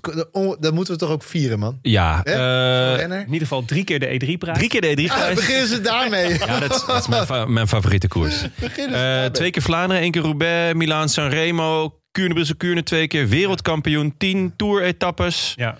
Eh Ik denk dat- Parijs Tours, toen het, nog, eh, toen het nog wat voorstelde, twee keer. Ik denk dat we kunnen stellen dat Jan Raas zelf een aardig eindje kon fietsen. En vijf keer de Amsterdam Gold Race. Ja, Amstel Gold Raas. ja. Amsterdam Gold Race. precies. Maar Mis ik nog iets? Want dit was... Nee, maar, maar klassieke e- eendagsrenner. eh supergoed in, eh, in eh, klassiekers. Inderdaad, heel veel wapens waar we het, eh, waar we het vaak over hebben. Ja. Maar die eigenlijk dan eh, in eerste instantie een ploeg gaat bouwen. die heel erg lijkt op wat hij kon. Ja, Ja. Eh, Ja, gericht op eendagssucces, klassiekers. absoluut. Kijk, ik denk dat hij eh, uniek is Ja. als sporter. Ik bedoel, eh, wat hij heeft bereikt is natuurlijk ongelooflijk. Uh, ik denk ook wel, en dat zijn niet eens mijn eigen ideeën, want dat hebben wel meerdere mensen tegen mij gezegd, maar ik ben het er wel mee eens. ehm, is dat hij ook wel het soort sportief leider was. Dat hij eigenlijk niet altijd goed kon begrijpen waarom een ander niet zo briljant was als hij, zeg maar Ja. fysiek gezien. De Marco van Basten Marco- Marco van- doctrine. Precies. Ja, en dat hij uiteindelijk eh goed paard en de ruiter en zo, toch? Wat is? Ja, ja, ja. Ja, maar, maar ja, de- Van Basten begreep ook niet waarom, waarom ze niet gewoon wereldgoals maakten. Of Nee, niet gewoon deden wat, wat hij deed. Empathie was niet, eh dat is niet per se het, ja, waar Jan Raas echt, hij is groter als wielrenner dan daarin, denk ik. Maar ja. dat hij dat veel naar, naar dat model van wat hij zelf belangrijk vindt, dat doen we natuurlijk überhaupt in ja, het leven. Dingen die we zelf belangrijk vinden, die, die zullen we doen in waar we leiding geven of zo. Mhm. Maar bij hem is dat wel heel extreem. Hij had niet, denk ik, heel veel inzicht in. Oh, we kunnen het ook zo doen of anders doen. Of ik doe het op deze manier fout of zo. Zo'n zelfevaluatie was er niet. Ja. Ja, hij deed gewoon dingen en daar ging dan heel veel goed in. Maar als dat moest worden bijgestuurd, dan was dat wel wat ingewikkelder. En dat zit ook wel in dat. Voor mij zit dat wel in waarom hij zo succesvol was op die fiets. Kijk, als racer denk ik dat het beter was dat hij nooit wat veranderd heeft. Ja. Want als dan iemand had gezegd, Jan, doe eens rustig aan of zus of zo, dan was het waarschijnlijk nooit gelukt, weet je wel. Dus ik denk ook wel dat hij overtuigd van is van ja, ik heb altijd bereikt op mijn manier, dus blijven we dat gewoon doen. Er is geen reden om dat niet te doen. Ja. En dat inzicht dat het eigenlijk misgaat en dat het ook bij hem ligt, die fout. Niet alleen bij hem, maar wel ook voor een goed deel bij hem. Ja. Ik denk dat hij dat inzicht ehm, niet gehad heeft toen. Ja. Of hij nu heeft. eh, ja. Spreek je me nog wel eens? Eh, Ah, nee. Even, even Nee. over die, even over die zo. periode. Hoe Ja. succesvol waren ze toen? In de eerste fase. Eh, ik denk Het dat, was de ploeg met eh Seurissen, ja, jonge, jonge Seurissen, Bogert, Hele jonge Bogert. Sberg en zo. Ja, die kwamen er ook bij. Uh, die, Ja. Dat eerste jaar nog niet uit mijn hoofd. Maar eh, de, de- dat waren wel de renners die waren. Ekimov was er wel, hè, die was ook al eerder bij Raas. Ehm, nou ja, eigenlijk, als je er goed naar kijkt, was 96 helemaal niet zo slecht. Het Mhm. voorjaar was ook niet zo slecht. Eh, Edwig van Hooijdonk, eh, vergeten we in Nederland wel eens, maar eh, Ja. absoluut uh, was in een grote renner. Mhm. Oom van, ja. Ja. Ja. ja, precies, zo is het. Ja. Ehm, die nou, ehm, eh, waar we, dus we zijn in Nederland denk ik niet dat iedereen van mijn leeftijd meteen hem kent, omdat hij nog eerder succesvol was, hè, in Ja. begin jaren 90. Maar die rijdt eigenlijk in 96 in die voorjaarsklassiekers best nog wel goed. Maar dat vindt zelf dan van niet, want hij was al beter gewend. En hij weet ook dat er doping gebruikt wordt en hij wil niet, EPO toen. ja. Dus hij verdwijnt. Uh, maar, dus dat voorjaar was nog wel redelijk oké. De Tour is eigenlijk ook gewoon goed. Hè. Seurissen wint een etappe. Beoogt die fantastische regenrit uh, in uh, Aix-les-Bains. Ja. We zien allemaal Zijn eerste, tanden. zijn eerste klassie, Ja, dus overwinning als jonkie. Ja. Ja, ik denk ook de eerste overwinning die ik echt helemaal heb meegemaakt. Zo van, eh, was ik 14? TV kijken, waanzinnig, juichen, springen, weet je wel, met je moeder en je Zeker. broer. Althans, in mijn geval was iedereen thuis heel enthousiast.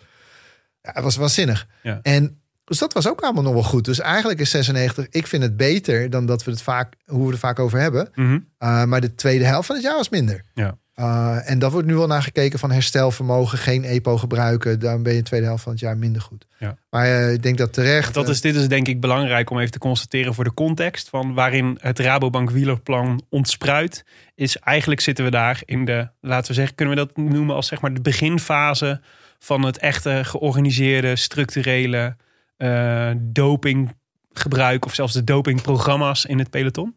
Nou, we zitten daar in, in, in 95, 96 midden in heel veel EPO-gebruik. Ja. Uh, dat het daarna professioneler wordt georganiseerd. Onder andere met uh, dank aan onze Amerikaanse... De Lens, ja. De Lens. Uh, dat, maar dat komt daarna. Hè? De eerste Ja. keer het Armstrong de Tour wint. Is Maar we zitten al wel in een gedopeerd... Ja, gedopeerd sowieso. Ja. En vooral in een EPO. Want Ja. EPO was EPO. natuurlijk de, de new kid on the block. Ja, zeker. Maar ik heb wel de indruk dat het in die jaren uh, nog een hoop kamikaze was. Ja. Ja. Dus gewoon zelf regelen, zelf... Zelf naar de uh, apotheek. Ja, zeker. Ja. Gewoon pakken wat je pakken kan en kijken waar het schip strandt. Ja, en, en vooral ook experimenteren. Hè? Ik bedoel, Ja. eh, Ja, Hele maar dit, is- maar dit, is, dit is home- natuurlijk belangrijk. Je noemde net van Hooijdonk die daar eigenlijk op afknapt. Ja. En eigenlijk als Frans super, knapt er ook op. af. super geweldige renner eh, merkt... ik kan niet meer mee Ja. en eh, dit geweld. Ja. Eh, want er, er rijden in één keer allemaal mm, mm, eh, mannen die mij voorbij rijden... die ik normaal gesproken zou moeten kunnen hebben. Nou, je ziet ook letterlijk dat ze in in Jonnes favoriete wedstrijd, eh, E3 was het ook, E3, dat- zeker, ja. dat- goed meedoen. En als ze dan een stapje groter wordt, dat hij opeens Ja. echt eraf wordt gereden. Dus je ziet echt dat verschil. Ja. Wat ook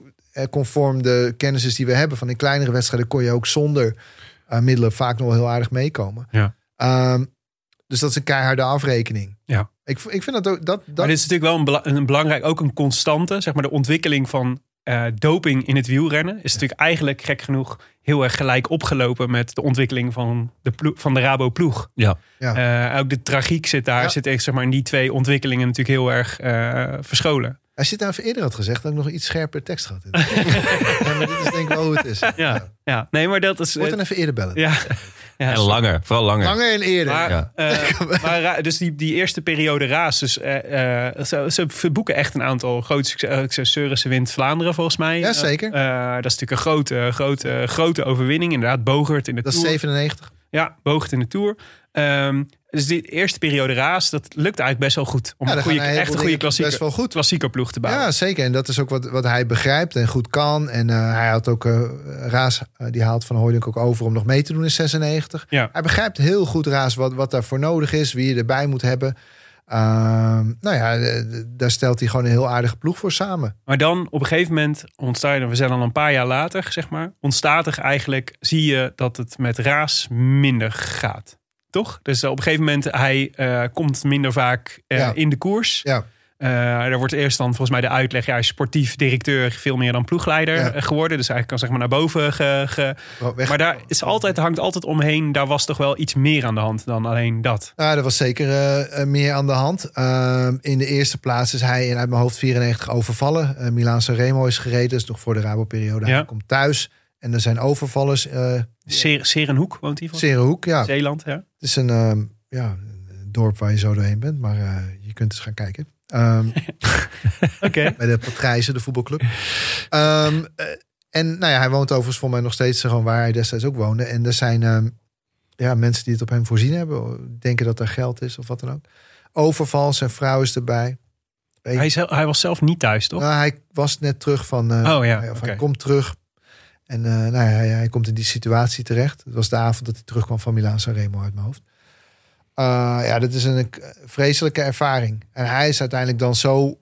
Ja, hoe zeg je dat? Hij vecht met die overvallen. Zij jaagt ze eigenlijk met een moker zijn eigen huis uit. Terwijl Mm. zij gewapend zijn. En, dat, is- maar dat, dat heeft hem erg getraumatiseerd. Hij is niet de enige.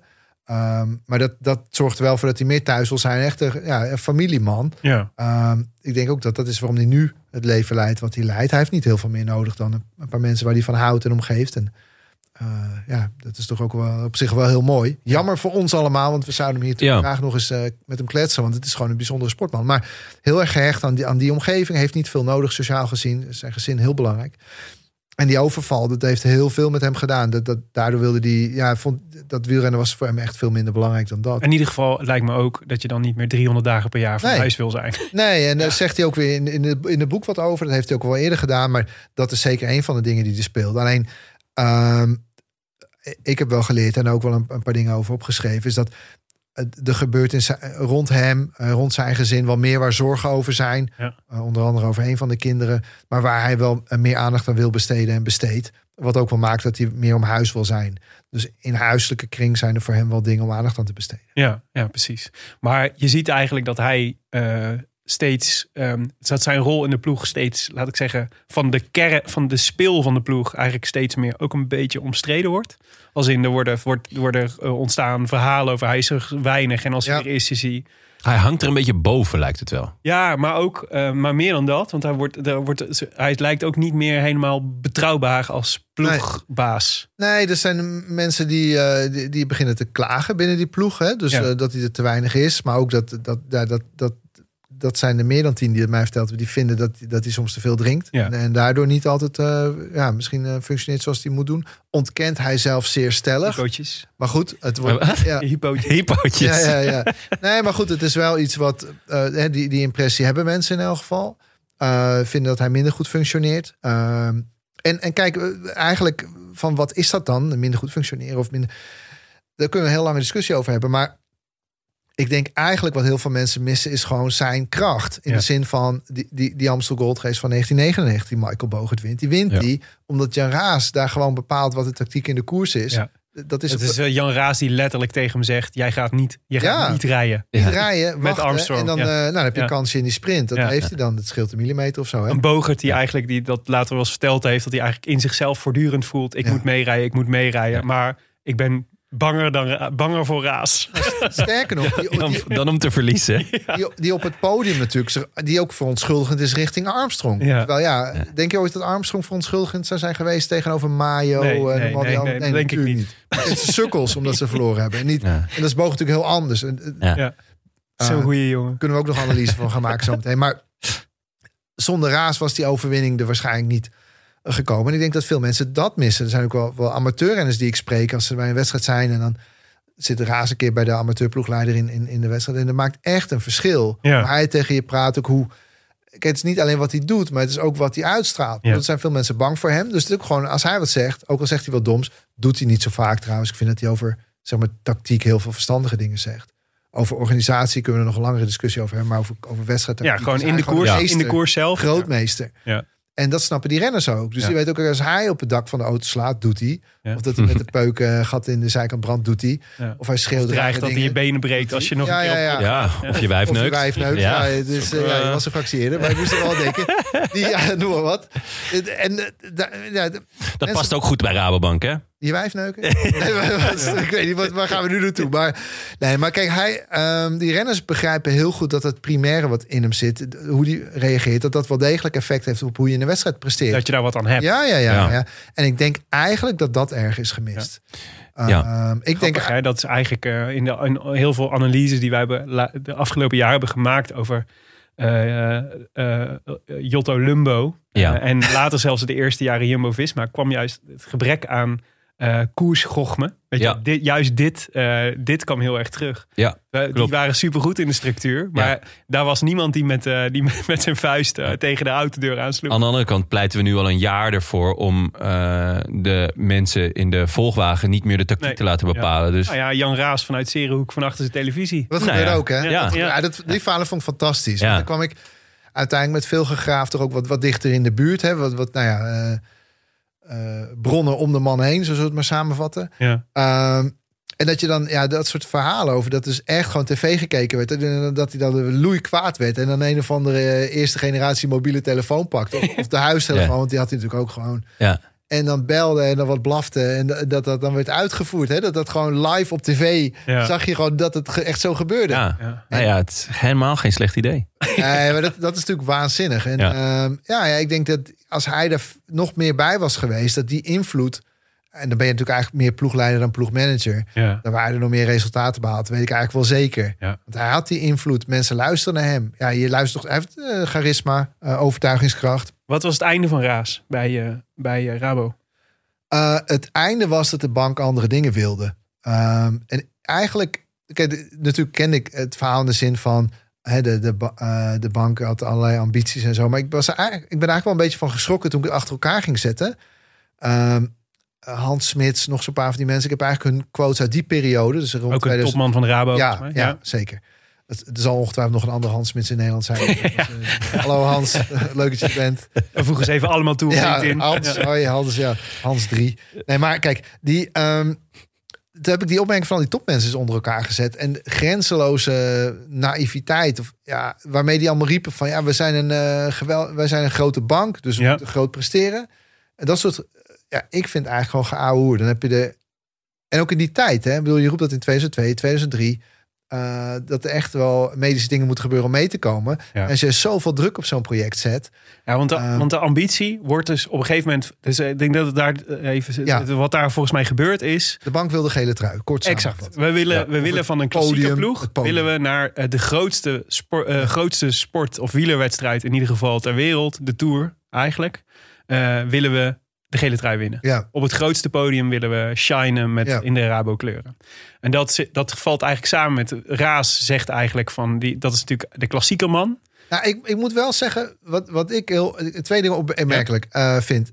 Eén is dat dat geroepen wordt, maar ook een van die bankbazen die, die, die in die tijd zei van ja, eh, het moet wel gepresteerd worden. Want ja, als ik naar Parijs moet, hè, dus om ze te, te huldigen, of de, ja, moet ik wel een vakantiedag voor opgeven. Ik vond het zo'n bizarre uitspraak, weet je wel. Je mag verdorie naar Parijs. We willen allemaal Ja. op onze knieën naar Parijs, weet je wel. En die man, de vakan- dat vond ik al bizar. Er is een dubbelheid in zat. Ja, maar wat ik ook vond, en dat is altijd wel beweerd, maar waar ik nu volgens. Ik, het is voor mij voor de eerste keer dat Raas het zegt in het boek. Die zegt gewoon dat hij met Wijfels een gesprek heeft gehad van Herman, pas nou op wat hier gebeurt, Ja. wat, wat die bankbazen willen. Want Wijfels was toen nog steeds eh, de bestuurder eh, van de wielenploeg, dus niet meer van de bank. Daar was hij weg in 99. Ja. Hij bleef nog een aantal jaar bestuurder van die wielenploeg. Dus Raas zegt dan tegen Wijfels: Herman, pas nou op wat die bankbestuurders willen. Want dat kan niet zonder middelen. Hè? De- Ja. de- de- Maar hij zegt het niet in die woorden, toch? nou. Een beetje eh, omvloerst. Ja, hoe het nou letterlijk, hoe letterlijk gezegd is, dat zullen we waarschijnlijk nooit weten. Maar er zijn wel, hij heeft wel duidelijk gemaakt dat. De eh, context was duidelijk. De context was du- duidelijk. Ik denk niet dat iemand daar verkeerd begreep. Ik denk ook. Herman Wijfels begrijpt dit soort dingen binnen een halve zin. Ehm, en dat is wel opmerkelijk. Eén is natuurlijk vaak gezegd dat Wijfels een soort van beschermheer van, van Raas was in het project. Nou, ik denk dat dat wel min of meer klopt. Ja. Sterker nog, daar daar zegt Raas ook een paar dingen over. Uh, maar dit vond ik wel heel, heel, heel frappant. Dat dat gesprek er dus wel ja, in die context is geweest. Ja. En, en Raas zegt, Maar je- Dat is dan toch ook het einde geweest van Raas, lijkt Ja, mij. dit is volgens mij gaan er, lopen daar twee dingen, gaan daar dus twee dingen samen. Dus één is de ambities van de bank veranderen. En worden eigenlijk worden, worden, gaan zich focussen op de Tour. Eh, wat volgens Raas een groot probleem gaat zijn. Want in de, als je in, de, in het, de, zo'n drieweekse ronde een, mee wil spelen voor het klassement... dan betekent dat dat je ook je, laat ik zeggen, medische begeleiding naar een ander niveau brengt. Of in ieder geval daar meer risico gaat lopen. Je moet goed kunnen herstellen. Je moet goed kunnen herstellen. Eh, waar, waar hij dus de bank ook voor waarschuwt. En Zeker. tegelijk heb je aan de andere kant heb je ook steeds meer twijfels over Raas als leider van, eh, van dat Rabobank wielerplan. ja, En die twee dingen komen dan volgens mij eigenlijk samen. Dus de ambitie van de bank en de twijfels over Raas. ja, En die leiden volgens mij tot zijn, eh, ja, afscheid. dat leidt er eigenlijk toe. Tot het. Sinterklaasgedicht. Ja, tot het Sinterklaasgedicht. En een bijeenkomst eh, in Maren, eh, een prachtige villa van Herman Wijfels. Eigenlijk een beetje de klassieke villa. Die zou go- goed in die oude serie Oud Geld hebben gekund trouwens. Echt zo'n grote klassieke villa. Waar die nu volgens mij niet meer woont. Maar nou, daar is dan een meeting met Hubert, Pieter Hubert, de rechterhand van Raas. Raas is daar. Ik denk dat Jan Schinkelshoek er ook bij is. Wijfels zelf en misschien is er nog iemand bij. Maar goed, er zijn een mannetje of vijf. Mhm. Ehm, ja, en Raas is heel boos. Hè, want eh, ja, hij ziet dat toch anders. Hij vindt dat hij daar nog een plek heeft. Alleen, Hij zag hij het niet aankomen, toch? nee. Hij zou, maar zegt- vertellen hij hem, zegt nu hier, wel, stopt het. Ja, ja, dat hij stopt en eh, hij is heel kwaad. Nou, hij zegt nu wel dat hij al jaren voelde dat er aan zijn stoelpoten werd gezaagd. Ja. Eh, wat voor mij ook een nieuwe opmerking is. Alleen wat vooral is, is dat ja, hij wordt gewoon ja, niet meer gezien als effectief. Hè? Niet meer iemand die bij te sturen valt. Niet meer iemand die luistert. Eh, er wordt veel ruzie gemaakt met de bank. Ja. Eh, daar Hij is- wil iets anders. ja, hij wil, iets, hij wil eigenlijk gewoon dat je niet met zijn zaken bemoeit. Ja. Uh, en, en dat is natuurlijk waar we dit gesprek ergens mee begonnen. Dat ik wel verbaasd ben dat al die slimme bankiers niet bedacht hebben... dat je echt iemand die zegt my way or the highway... dat je, dat je die denkt te kunnen beïnvloeden. Ik bedoel, Ja. hij heeft al, al die sportieve prestaties... We hebben hem al eh, decennia kunnen zien op dat moment. Ja. Ja, ik niet, want ik was eh, nog niet geboren toen hij zijn beste dingen deed. Maar dat begrijp ik niet zo goed dat dat... ehm, ja, uiteindelijk op Beetje alsof je tegen Louis van Gaal zegt, eh, ga toch maar 4-4-2 spelen. Ja, ja, met de punt achter. ja. Ja. Nee, maar ik bedoel, ja, zo werkt dat niet. Uh, maar goed, het heeft natuurlijk ook heel veel jaren. Er is wel van alles ook uit. We moeten het natuurlijk niet alleen maar doen of, tot 2003 een, een, een grote. Uh, of er niks lukte en, en, en Raas uh, het allemaal alleen maar negatief beïnvloeden. Ik bedoel, door hem is natuurlijk ook van alles wel. Nee, zeker. Nee, helemaal ja, niet. Nee, nee, nee, maar dat willen we is ook niet Ehm, geïnitieerd, Op maar- dat moment, in 2003, de ambities van de bank past niet bij Raas. En dat ging vooral ook, ook over uh, ja, gewoon simpele. Kijk, als, als de bank een. Um, uh, ja, wat wilden ze nou een keer? Ze wilden een keer, weet ik veel, uh, Michael Bogert op een poster of zo. Dan ja. werden Pieter Hubert en Raas woedend omdat het gebeurde. Gewoon heel, dus er was ook, ja. Ook over dat soort kleine dingen was er veel frictie. Ja, het was ja. dan toen eigenlijk geweest van, je geeft Jan Raas het geld en Pieter Hubert hè, als sponsor. Ja. En die regelen de rest. Aan het einde van het jaar gaan ze uitleggen wat ze gedaan hebben. En that's it. Hè. Nou ja, en sterker nog, volgens mij was het ook wel een paar keer dat, dat er een gat in de begroting was van, hé, hey, we willen toch nog wel deze renner. En uh, kun je nog even een paar, paar tientjes aftikken? Nou, uh, ik heb denk ik niet zoveel daarover gezegd of gevonden. Maar er was een ruim budget en, en heel veel kon. Ja. En als het nodig was, gebeurde het. Dat is de ja. korte samenvatting. Ja, nou, en de Rabobank is toch altijd... Had in ieder geval in de wielersport altijd imago van de ploeg waar het geld tegen de plinten klotste. Het imago, maar vergeet je niet dat in elk geval toen Raas er was. bedoel, later, maar Raas uh, was gehaaid. Ja, ja, zich Kijk, Harold Knebel noemde ze Sinterklaas. Hè. Die kwam natuurlijk uh, pas laat. Hè. Die werd, was personeel noemde Sinterklaas. Omdat ja. ieder salaris. Er zijn nog steeds renners die daar heel erg van profiteren. Was ja. Maar ja? Oh ja? ja? Nou, lekker dan. Ja.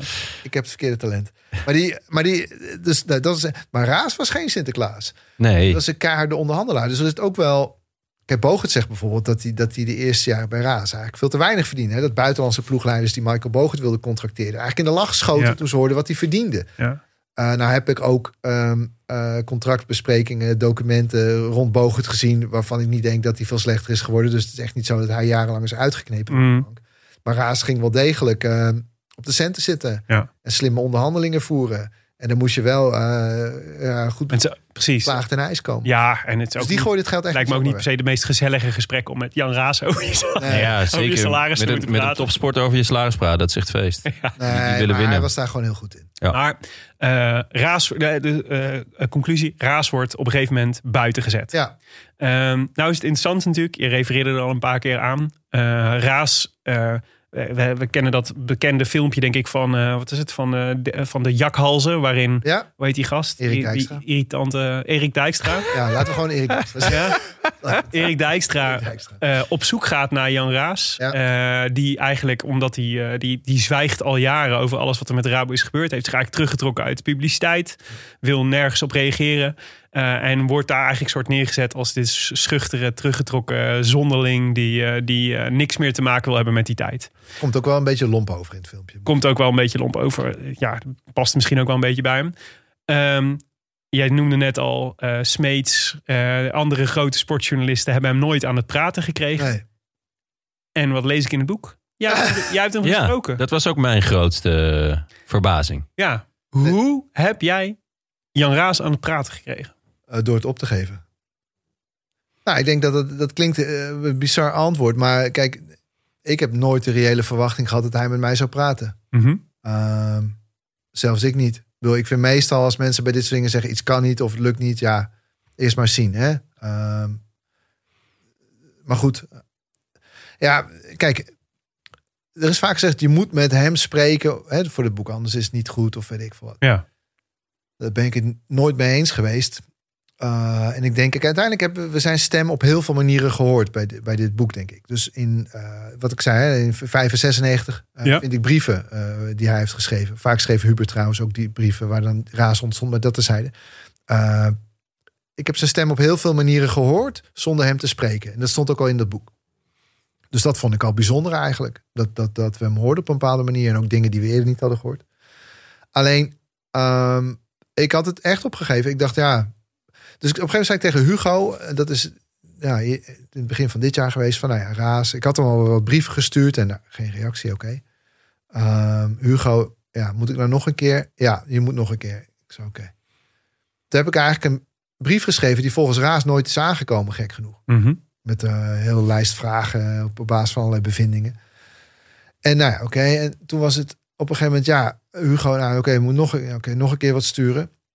En uh, toen heb ik eigenlijk wat, ook wat bevindingen gestuurd die ik had gedaan. En, en toen reageerde hij meteen. En, maar, maar ja, even, ik, uh, stuurde hij een brief terug of belde die? Een mailtje van... Uh, ik kreeg een mailtje van Jan Raas. janraas.hotmail.com Nou ja, dat, dat, eerste deel, dat scheelt niet veel, nee. Uh -huh. Het was niet hotmail, maar... Nou kijk, in eerste instantie denk je natuurlijk dat iemand een geintje met je uithaalt. Dat dacht ja. ik ook echt, want... Ik had het echt niet... Het was geen... Je dacht dat het Willem was. Een pseudoniem ja, van mij, ja. ja. ja. En daar is Had gekund, het gesprek begonnen. Had zeker gekund, ja. Dat gaat hij zo meteen ook zeggen. Dus ja, ja, ik was het. Ja. ja ik was het. Ik was het met een uh, Zeeuws accent. Ik zou mijn pet opzetten en die bril en dat je dan in één keer weer... Nee, van, uh, eigenlijk zei hij gewoon van, nou ja, ik, ja, ik heb uh, gelezen wat je me schreef en uh, ik heb toch het idee dat ik eens mijn visie op de, op de zaken moet geven. Eigenlijk, dat was het. Het was ook ja. niet lang, hè. Hij is ook niet iemand die lange dingen zegt of lang ja. praat. Maar dan val je toch van je stoel? Ja, tuurlijk. Ja. Ja, dat was. Ik denk dat ik het nu veel beter. Kijk, natuurlijk besefte ik toen wat het bijzonder was. En, uh, maar nu een half jaar verder zijn en het er nu nog steeds over hebben. Ja. Wat ik met liefde nog een kwartier doe trouwens. Maar ja, nu ben ik, nu denk ik wel, ja, dat is wel uniek. Dat heb ik op dat moment ook wel beseft hoor. En ik heb ja. toen we daar zaten gedacht van ja, we gaan die man waarschijnlijk niet vaker horen. En ik zit nu met hem. Kijk, het is uiteindelijk ook werk en je moet het doen. Het hoort erbij. Het is belangrijk, maar het is ook gewoon heel leuk. Uh, maar de, hoe, het, dus hoe het denk ik kwam, is dat ik wist inmiddels toch wel uh, zoveel. En ook een ja, paar dingen waar we het ook wel hebben gehad in, uit zijn omgeving. En dingen ja. die voor hem vervelend waren. Die hij als vervelend heeft ervaren. Waar hij van dacht, nou ja, nu weet die gozer wel zoveel. Dan moet ik toch wel eens over roepen. Maar, en dat heb ik eigenlijk niet zelf bedacht. Maar tijdens al die gesprekken over het boek gehoord. Hè, de afgelopen mm -hmm. maanden. Is dat mensen zeggen van ja, hij is toch ook heel trots op dat het zover was. En, uh, en hij wilde ook gewoon zijn visie geven. Van nou, dit vond ik ervan. En zo kijk ik ernaar. Want de roepen... Kijk, als op een gegeven moment... Had ook wel denk ik wel door... dat er roepen zoveel mensen iets. En ook heel veel mensen anoniem. Bankiers die dan niet on the record... maar wel op achtergrondbasis. Dat hij dacht van ja, ho, ho, ho. Ja. Wat, waar ben ik nou in dit verhaal? Ja. Ik denk dat hij dat ook wel gedacht heeft. Want hij heeft door de jaren heen wel... Ja, in mijn herinnering in ieder geval twee keer... een boek over de uh, jubileum van de Amstel Gold Race. De Amstel Gold Race. Uh, waar hij dan wat zegt over de, Mhm. mm -hmm. wat hij daar goed presteerde. En een boekje over uh, een beetje zijn jonge jaren als renner in, in Zeeland. Ook een heel leuk boekje trouwens. Uh, van Rico tot Raas heet dat. Ik dacht altijd dat het over Rico Verhoeven ging. Maar het ging, over, ging ook over Rico Verhoeven trouwens. Ik, bedoel, ik dacht altijd dat het over die Rico die slikker ging. Ja, ja, ja. Nee, maar het ging over Rico ja. Heel vreemd. Maar een grappig boekje van een... voor mij ook een Zeeuwse journalist. Die dan, nou, dus, dus hij heeft ook wel natuurlijk ook een, een, ego en hij wil wel laten horen wat hij ervan denkt. Maar ik vind, denk ook echt dat hij, als hij die deal sluit, ik ga weg bij Rabobank, krijgt geld mee en er staat natuurlijk een non-disclosure agreement in. Ik denk wel dat hij zo'n agreement letterlijk neemt. Ja. Dan in het Nederlands, van ik zeg niks. Ja. Dus ik denk dat hij zich ook echt had voorgenomen om niks te zeggen. Alleen nu komt op het punt dat hij ziet, ja, iedereen zegt wat. Ja, en het is ook al lang geleden natuurlijk. Ja, maar dat maakt hem niet uit. Nee? 10 of 80 jaar geleden houdt zijn mond. Afspraak is afspraak. Ja, afspraak is afspraak. Dat is zeker. Absoluut. Ja. Dat, dat, weet ik 100% zeker. En dat, is, dat denk ik te weten. Neem een bescheiden mening voor wat het is. Maar um, hij zag nu heel veel mensen zeggen... Wat, waarom ik niet voor toch een belangrijk project. En ik denk, hij vond het wel vervelend... dat ik ook in zijn persoonlijke omgeving keek. Ja. Daar, daar ben ik denk ik wel netjes mee omgegaan. Dat het is niks heel schandaligs uh, mm -hmm. uitgekomen of, of, op papier gekomen. Maar ja. Ehm, nou ja, daar, daar wilde hij wel wat over zeggen, ja. En dan, eh, Met tegenzin overigens. en dan ga jij Ja? op, een, eh, Ja. op een mooie dag, vertrek jij naar een eh, Ja. motelletje. Een hotel. Ja, het was niet zozeer gewoon eh, ja, een hotel in Breda. Ik wist ook dat hij daar... Want het was ook dan, dan komt de eerste mail en dan denk je, ja, nu. En dan, eh, eh, Ja. nou ja, dan, eh, van, eh, ja, oké, eh, afspreken, prima. Eh, dinsdag, prima. Eh, dus dat, dan is het ook heel snel en kort. En hij, hij zei, nou, kom je hier naartoe of reizen we een stukje? Maar naar zijn huis vond ik op zich wel leuk. Maar ik dacht ook, ja, dat is ook een beetje... Laten we nou in het midden doen. Ik wist dat hij in een hotel in Breda graag kwam. Ja. Eh, als, in de tijd als nou, hij had daar veel vergaderen of regelmatig vergaderingen als ploegleider of ploegbaas. Dus doen we dat prima. Een plek met geschiedenis. Ja, dat vond ik ook nog wel een beetje symbolisch en zo. Nou ja, dus wij daarheen en het was corona, dus de boel was leeg, maar een soort van zalencentrum. En eh, nou, ik daarheen, ik op tijd. En eh, ja, eh, alles in een vergaderkamertje neergezet en eh, is beneden gaan kijken. En opeens staat hij daar voor mijn neus. Hij had een petje op en ja, hij, hij had zich rot gezocht, want het was ook wat zoeken in dat centrum. Maar voor mij heb ik je. Toen dacht ik, ja, dus, ja dat is wel een gek moment. Ja. Dan denk ik, het is het echt en nu gaat het gebeuren. En ehm, ja, ik ben niet snel nerveus voor een gesprek. Ik bedoel, Mhm. je mensen zijn uiteindelijk normaal. De meeste mensen, als je met ze praat. Maar ehm, Maar het is wel bijzonder. natuurlijk wel. En dan ging naar voren en uh, van me voor op de trap en eh, naar boven. En eh, ja, hij ging eigenlijk zitten. En ging koffie zetten. Nee, maar dan realiseer je natuurlijk op dat moment wel dat dat heel En hoe, zat het, hoe zat het dan met die tegenzin? Nou ja, ik denk wel dat hij zich had voorgenomen om het er niet meer over te hebben. Bedoel, het is ook heel pijnlijk voor hem. Uh, ik denk ook wel dat het hem echt wel geraakt heeft dat, dat het misging, dat hij daar weg moest. Toch een uh, eer, ere kwestie. Mhm. Uh, ja, dat. En uh, ja, dat hoefde van hem voor mij niet zo per se. Niet, Hij leuk, niet leuk om er nog een keer over te hebben. Nee, het was. Nee, en ik, ik vind wel, hij heeft wel zijn visie op een aantal dingen gegeven. Ook hoe, ja, hoe, dus, dus in die zin uh, nuttig maar. Wat wilde, je, wat wilde je het liefst van hem weten? Eigenlijk hoe het met hem ging.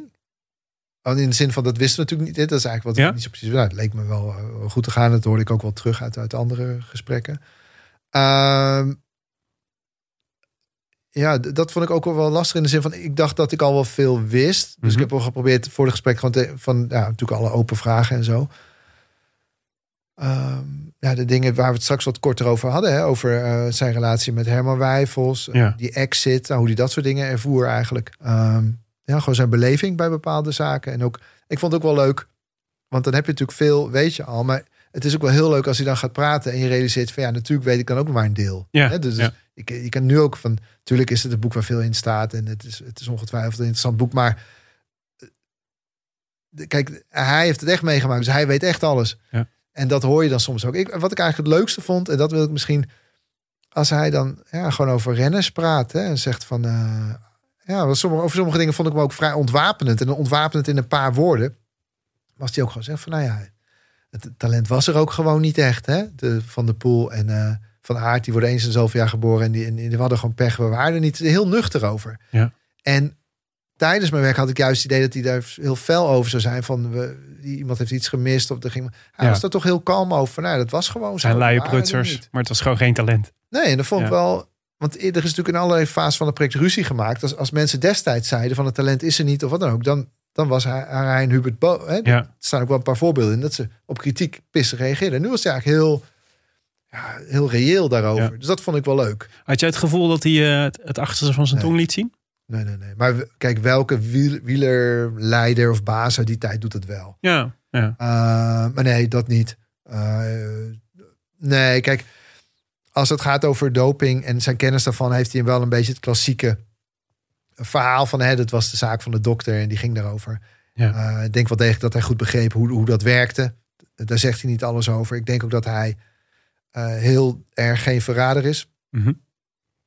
Uh, de verrader is dan een woord wat, wat denk ik, hè, hoe hij dat zou zien. Dus Ja. je, je praat niet. Klokkenluider zou je Ja. kunnen.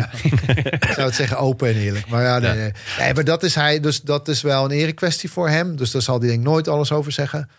Uh, al vind ik wel dat hij heel veel omstandigheden heeft geduid. Dat hij ooit kennelijk met Verbrugge, de UCI-baas, het over EPO heeft gehad. Vond ik vrij opmerkelijk, eerlijk gezegd, dat hij daar wat over vertelt. Um, maar Nou, maar dat, maar dat, kijk, dat is, dat is waar. Maar dat beeld steeg wel op, vond ik. Uit, uit dat hij weliswaar misschien niet degene was die daar, eh, eh, die daar inderdaad de klokkenluider of de vraaier over wilde zijn. Maar wel volgens mij een realistisch beeld over Ja. wat er gebeurde. En ook tegen de, dus de belangrijke betrokkenen. Eh, dus Verbrugge, Ja. destijds voorzitter van de UCI, Ja. volgens mij nog. Ja. En, en Herman Wijfels heel duidelijk eigenlijk had gemaakt... eh, actions have consequences. Ja, Toch? zeker. zeker. Dus dat, dat vond ik ook wel opmerkelijk dat hij er nu wat over zei. Kunnen we hier gewoon blikjes openmaken? Ja hoor, Natuurlijk, jongen, ga ervoor. Jullie ook nog één? Ja, lekker. Ja. Dus daar is hij denk ik wel min of meer, ja, vond ik hem toch vrij open over. Ook alle vragen die gesteld werden, beantwoordde hij ook. Soms kort, maar wel. Dus ik vond niet echt dat hij iets ontweek. Maar dat hij in een aantal zaken zijn waarheid heeft. Of, of, of zijn Ja. grenzen waar hij over de, wil spreken. Ja, dat zal wel zo zijn. Uh, dat is denk ik zo. Uh, maar veel dingen ook. Nou, ook als iemand als Kees Vermunt. Ja, we moeten toch. Eh, de, de, hij, Ja. Is hij nou de rode draad? Nee. Ja. Ook over, over die Kees waar hij gewoon eerlijk over zegt. Ja, Kees, ja, ja, ja, hij ging te ver eigenlijk. Ja, was zo jammer, want Kees heeft toch zijn best. Hij is daar best wel helemaal, ja, toch ook wel Wel- waarderend over. Spreekt hij over die man. Dat vond ik ook wel mooi. Ja, dus de enige mildheid is wel ingetreden. Jawel, enige Raas. wel. En Ja. ook wel, want ik vond het ook wel grappig. Hoeveel zelfinzicht heeft hij? Dus van, nou ja, eh, mensen vinden dat je intimiderend overkomt. Eh, denk je dat dat kan of klopt? Of kun je intimiderend over? En dan zeg je, ja, natuurlijk wel. Ik vloekte wel eens wat veel en ik had wel eens wat milder. Dat vond ik wel. Kijk, daar, daar maakt hij geen hele verhalen van. Ik bedoel, we gaan geen introspectie eh, bij de Ja. psycholoog op de bank. Daar Ja. gaat hij niet aan beginnen. Maar hij zegt dan wel, ik van ja, nou ja, ik ben misschien. Dat vond ik wel leuk. Heeft hij, een mini dingetje, maar ik vond het leuk. Heeft hij gereageerd op je boek? Wat vond Eh, ervan? ja, dus het concept heb ik hem uiteindelijk gestuurd. Nou, dat was voor mijn reactie heel simpel. hier kan ik mijn leven, punt. Dat was ook, ja, voor mij was het één zin. Ja. Eh, Ja. Maar later, dat was eigenlijk een van de eerste interviews die ik deed. Er stond natuurlijk wel wat in over, nou ja, dat hij als een borrel lustte en dat mensen vonden dat het er misschien af en toe een te veel Ja. was. Toen kreeg ik wel een mail terug van, jij bent net zo erg als de rest. Oh ja. Ja? De rest zijn mijn collega's journalisten. Ja, nou ja, goed. Dat, dat, kijk, ehm, Dus voorlopig, de eerstkomende tien jaar komt er geen journalist meer over de vloer bij je. Ja. ja, kijk, ik bedoel, dat, ja, dat is dan zo, ja. Oh, het, ja, ik, eh, Ja, dat vind ik... ja. ik vond eigenlijk, nou vertel, het is, het is natuurlijk altijd, eh, ik weet niet hoe jij dat hebt, hebt ervaren, Jonne, maar ik vond eigenlijk dat hij er heel goed vanaf kwam. Ik vond ook dat hij er heel goed vanaf kwam. Ja. Eh, ik, was, eh, ik was al heel nieuwsgierig naar hem. Eh, en eh, er wordt een, een vrij goed beeld van hem gegeven. En, maar ik, Ja, gewoon rauw en eerlijk, maar Ja. wel, en, maar wel heel, eh, ook heel erg over zijn waarde. ja, En wel inderdaad ook over zijn flaws, maar maar ik werd eigenlijk nog nieuwsgieriger. Van, eh, ja, ja ik, ik, daarom vroeg ik ook van heeft hij gereageerd? Van, van zit, zit er nog meer in het vat? Ehm, De sequel? Wat is het? De prequel? ja, de- Raas? ja. Maar hoe bedoel je dat? Ik denk niet dat ik hem nog ooit spreek. de- Nee, ja, daar, daar, daar vroeg ik een beetje naar. Nee, van, zeker. ehm, nee, nee, dit was gewoon één keer en nooit weer. ja. Jullie, jullie hebben één keer elkaar ontmoet. Ja, en dat is eh, ja, een uur of tweeënhalf, tweeënhalf, zoiets. Ja, met kopjes Nespresso. Ja, ja, ja. Nee, zwarte koffie en dan wil hij nog eens een bakje. En eh, hij denkt, okay, ja, als hij nou nog een bakje neemt, dat duurt misschien nog tien minuten langer. Maar hij gaf in het begin aan, dit, dit gaat niet lang duren. Maar na twee uur dacht ik, nou, en even voor duidelijk, gaat hem wel. Ja. Met een bakje bedoelde je gewoon koffie, hè? geen drank. Nee, nee, nee, nee, nee, nee, nee. We gaan, laten we het helemaal. Nee, het was een broodnuchtere meeting. Nee, maar dat was. Ehm, ik heb uh, veel van dat soort dingen. Ja, nee, maar dat is ook niet de man naar die dan. Ehm, nee, en ik, ik, vond, ik vind dat ene gesprek ook prima. Ja, het was oké. een, goed- ik Nee, vond het een prima. goed gesprek. Dus eh, ik was gewoon eh, ik was nieuwsgierig geworden naar hem in zijn, in zijn geheel. En Ja. zeker nou ja, ook in voorbereiding op dit gesprek natuurlijk nog iets dieper ingedoken op hem. En dan zie je dat palmares. En dan denk ik van wow, dat is even een ander paar mouwen. Nee, maar het zou natuurlijk waanzinnig zijn om eens met hem een, een dag of vanavond nog terug te kijken op al die wedstrijden. Of, Ja, tuurlijk. ehm, die- ik heb Gewoon zelf puur wielertechnisch. Ja, Ja. die persoonlijke behoefte niet per se. Nee. Maar eh, dat, dat dat waanzinnig zou zijn, dat snap ik Ja. ook. En dat maar ik denk niet dat het gaat gebeuren. Ehm, ja, Je zou hem zo graag, dacht ik toen ik het boek las, en waar ook nu we het er zo over hebben, je zou hem zo graag zien als, in een rol als analist. ja, ja. Toch? ja, Over Ja. hoe kijk jij naar de koers? Ja. En misschien is dat bijna wel een soort dat ik denk dat is bijna wel de ingang om hem weer te bereiken of zo. Dat je, Ja. Denkt, dat je denkt van ja, ga- laat al die, al die geschiedenis lekker zitten. Je, je hebt superveel verstand van de koers. Nou, misschien wil hij wel eh, Vertel het ons maar. Ja. dat hij tijdens de Ja. tour wil aanschuiven hier. Nou, we, zullen, we, zullen, we, zullen, we krijgen straks vast een mailadres. Maar het zijn, het- ik denk wel dat hele korte analyses zijn analyses die niet altijd bij het medium passen, denk ik. ja, Ah, bij podcast bedoel je? Nee, maar gewoon kort. Ja. Ik bedoel ook voor de tv. Ik denk dat je uitzending gewoon een kwartier kort Spotify Shorts gaan we dan. Elke Ah. el- één zin, één zin raast de analyse. Ah, dat is op zich Tim, die wil dat heel graag. Die vindt dat we al veel te lang uitweiden ook. dat lijkt me goed. Maar het is natuurlijk wel gek hè, dat zo iemand dan uit die sport is. En nog een paar voorbeelden aangehaald in het boek... waarbij hij toch nog renners onderbrengt. Eh, Hilaire van de Schuren hangt hier ook aan de muur, toch? Hilaire. Ja, zeker. Ja. Ja. Hey, Hij noemt hem Hilario. Hilario, ja. Wij ook. eh, ja. Een grote maat van hem en eh, die kan nooit eh, stuk. Eh, Maar daar hangt hij. ja. bijzondere relatie. Ehm, en dan brengt hij nog eens een paar keer renners onder. Dus hij heeft die sport natuurlijk nooit echt losgelaten. Ja, ik, ik- Zeeuwen vooral, toch? ja, Ja. twee zeeuwen, ja. En eh, Ja. ja. ik vind het toch wel een beetje... eh, Ja, het, is, het is gewoon raar dat zo iemand er niet echt meer in die sport is. Dan zou je dat toch willen horen. Ja. Dat is waar. hey, maar eh Raas is oud. Ja. Dan, we hebben het dan 2006, is dat?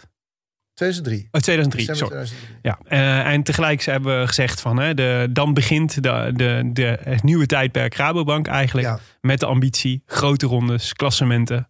eh, willen shinen op Ja. de, de grootste podia ter wereld. Ehm, dat is ook een beetje het begin volgens mij van de optocht aan kopmannen. Die dan, eh, Optocht. Ja. Zullen we toch? de optocht doen? Ja. Eh, we- Leipheimer. Leip- IP. Leipie. ja, Leip- Leip- Dat is een verschrikkelijke bijnaam. Ja, Ja. Dat zei dat een keer, toch? Menschov. Ja. Helemaal aan het einde. Dat, vind ik wel, dat vond ik leuk eigenlijk. Ja. Ja, ik heb Menschov. een uurtje of zo met hem gesproken. Hij Ja? best spraakzaam. Peter Lutenberger wil ik Ja. hier graag Ja, die had eh, geen. Nee. Je had geen zin? Nee, die was pissig. Wat? eh, Ik aan uh, motorracen in eh, Oostenrijk. ik heb nog, eigenlijk wil ik een keer middag daarheen. Maar dit, eh, en Ja. natuurlijk de uiteindelijk, De, de, eh, crossbaan. ja. dat, dat, dat doet Peter Ja. Dat deed hij nog een paar jaar geleden. Dat heb ik, dat heb ik nog urenlang naar cross, crossrace foto's. eh ja, Maar uit, uiteindelijk, ehm eh, laat zeggen, deze periode is tot 2007. En 2007 kennen wij natuurlijk allemaal van eh, de prachtige zomerse Tour de France. Waarin we, waarin we de, ra- volledige. Raboploeg op de banken of op de flanken van de, van Ja. de Alpenkools voorop reed. Met Rasmussen in, hun, eh, in, het, eh, in het laatste wiel. Het hele peloton de wil oplegde. Tot nu toe vertel je nog een sprookje. En het leek alsof Rabobank eindelijk na die jaren eh, de, de belofte ging inlossen. En het geel ging pakken. Ehm, eh, en dat ging mis. Ja. Nou, klaar. dat was het dan. Ja, Nee, ja, maar dat is natuurlijk... eh, ja, dat was wel het hoogtepunt, hè. Qua, zeg maar, visueel gezien, hè. Die, die, Ja. ja. Het beeld wat volgens mij iedereen is bijgebleven. Ja? Oranje-blauw, oranje op kop van het peloton. ja, echt en, iconisch. eh, ja. Dekker, Thomas Dekker, die denk ik geloof ik ook... Zit die, eh, eh, Nee, zeker. Die zat Ja. er. een van die ritten ook zegt... de beste dag ooit op de fiets. Ja. Ja. Allemaal waren ze top. eh, fysiek, zeker medisch ook. Ja. Ah, goed, dat was natuurlijk qua, qua beeld... Waar, eh, Nou, dat, dat, het was de droom, denk ik, van, eh, van Rabo in 2003. Dit is, waar we, dit is waar we naar streven. Nee, dat was natuurlijk eh, alles leek eh, samen te komen. Al die miljoenen geïnvesteerd, al de plannen gemaakt. Nieuw talent, Nederlands talent, Thomas Dekker. de renners die er al lang bij Dat, waren. dat, want dat, Van dat is in- interessant te zeggen. Thomas Dekker, dat was hem eigenlijk, toch? Waar ze Ja, naar op zoek ja, waren. Ja, zeker. Ja. Zeker. En ook eh, het hele, bij het project, de amateurploeg betrokken geweest. En belangrijk. En bij de junioren ook. Supertalent. Ja, ja, ja. Dus de, de, die Rabo-school eh, ja, ingeweest en uitgekomen. Ja. Ehm, ja, ja, tuurlijk. En eh, dat leek allemaal eh, te kloppen. En dat was een illusie. Ja, Ja. want eh, ik vond het interessant. In het voorgesprek hadden we het, hadden we het daarover. Over Op dag Wat één ge- of twee van de vorige wat, ja, dag, dag twee van de voorgesprekken. Eh, 1. Want wat gebeurde daar in die tour? Dus, eh, 2000, dus er was, op een gegeven moment was er, eh, was er gedoe en eh, oneenigheid over. Eh hoe heet die, eh, eh, die Italiaanse commentator die op een gegeven moment benoemt dan op een gegeven moment Cassani. Ja, dat, eh, eh, Rasmussen, dat die Rasmussen ergens is tegengekomen. Ja, Dus ehm, in de Italiaanse er Alpen. ontstaat eigenlijk al ja, tijdens die tour gedoe over whereabouts. Ja. Nou, nu komt het meest saaie deel van deze podcast, skippen. Dat zijn regels ingevoerd dat jaar of ervoor. Ik vond mij het jaar ervoor. Zijn er nieuwe regels in ieder geval in die tijd. Eh, dat je als sporter, als wielrenner moet aangeven waar je traint. Ja. Waar je, Waar je bent. bent. Ook buiten de wedstrijden. Voor de dopingcontrole. Zodat de dopingcontroleur naar je toe kan Ja. komen. En, ja. En je kan vinden. Nou, ehm en Rasmussen die denkt, wacht eens even, ze kunnen mij het vinden. En als ik, eh, hè, want met, met, met EPO en bloeddoping en al die middelen gaat het natuurlijk van, nou ja, je, je, je op een gegeven moment en met bloedzakken, hè, die ze dan gebruiken, is niet alleen maar meer EPO. Mhm. Eh, het lijkt bijna een boek over doping zomaar. En die bloedzakken die neem je op een gegeven moment af in een bepaalde periode en die, neem je, die voeg je weer toe en daardoor schommelt ook je hematocrietwaarde. Dus de- ja, de Rasmussen wil niet dat die controleurs te veel mee kunnen kijken, want dan krijgen ze al die waardes en die kennis over wat die rommelt. Dus hij verzint dan die truc. Hij woont in Italië. Zijn vrouw komt uit Mexico. Ik ga trainen in Mexico. Kunnen ze hem niet vinden? hij doet er wel meer trucs. Hij gaat wel eens meer trainen op andere plekken, ook in Europa. En dan zegt hij dat hij ergens anders is. Dus hij wordt een paar keer eh, gemist ook door controleurs. Dat Ja. ze hem vinden en dat hij dan zegt ik was ergens anders. En uiteindelijk, formeel gezien, moet je drie keer eh, een fout hebben in de whereabouts. Dus je moet drie keer iets verkeerd invullen. En, eh, En dan volgt automatische schorsing. dan volgt automatische schorsing. Maar hij heeft twee fouten gemaakt. Bij de ene bond en twee bij de andere. En die mogen niet worden opgeteld, zeggen de regels. Ja, waar, waar hebben we het over? Maar dat is toch wel relevant. Mhm. Welke bonden hebben we het dan over? Bij de Deense bond? was het de Deense en de UCI. Ja, Als ja, ik ja. me even niet vergis. Hij wordt uiteindelijk, als hij uiteindelijk wordt geschorst door de Monegaskese, de bond uit Monaco, gek genoeg, omdat hij Mhm. daar een licentie heeft. Laat je niet duizelen, de UCI en de, de Deense bond. Daar gaat het eh, Ja. mij weten over. Ehm, dus tijdens de tour ontstaat al wel ja, gedoe over die whereabouts. Dat hij daar eh, ja, fouten mee heeft gemaakt. Of eh, d- dat Ja. soort dingen ook. Maar het uiteindelijke kookpunt is als meneer Worre, eh, een baas bij de, bij de Deense bond, zegt dat er nog meer waarschuwingen zijn. Of er meer over uit de doeken doet. Eigenlijk ook wel de geheimhouding schendt die hoort bij, bij die kennis. Ja. Het- dus formeel is Rasmussen niet drie keer over de regels gegaan. Ja. Maar in de spraak. Maar twee keer staat, twee. Ja, is vier. Ja, het, Ja. het is allemaal. Ja, nee, het, is, eh, ik neem, ik- het zijn juridische. Ja, ja, ja, Het is niet wat we hier moreel allemaal van vinden. Want uiteindelijk gaat het natuurlijk over doping Precies. gebruik. En niet, niet dat hij in de verkeerde tentjes logeerde, zeg maar. Ehm, maar formeel hoeft hij eigenlijk ook niet weg. Alleen er ontstaat heel veel onduidelijkheid. De, de, de, de journalisten kennen de regels dan ook nog niet zo goed. Het zijn ook nieuwe regels, een beetje ingewikkeld. Ik bedoel, Ja. Je kan mij misschien al nauwelijks volgen als ik het erover heb. Want hoezo is het, eh, 2 plus 2 geen 3? Ja, en we Eh, komen en even voor de context. Dus we komen natuurlijk uit een aantal jaren Ja. waarin eh EPO echt op de voorgrond is komen te staan Nou ja, in, in, in de publiciteit. Ja. Ja. even 2006, die, die, een weekje op vakantie, ga ik met een paar studievrienden naar Frankrijk. En eh, op de bergen, bier drinken, zalm eten, op zo'n weg weer barbecue. Superleuk.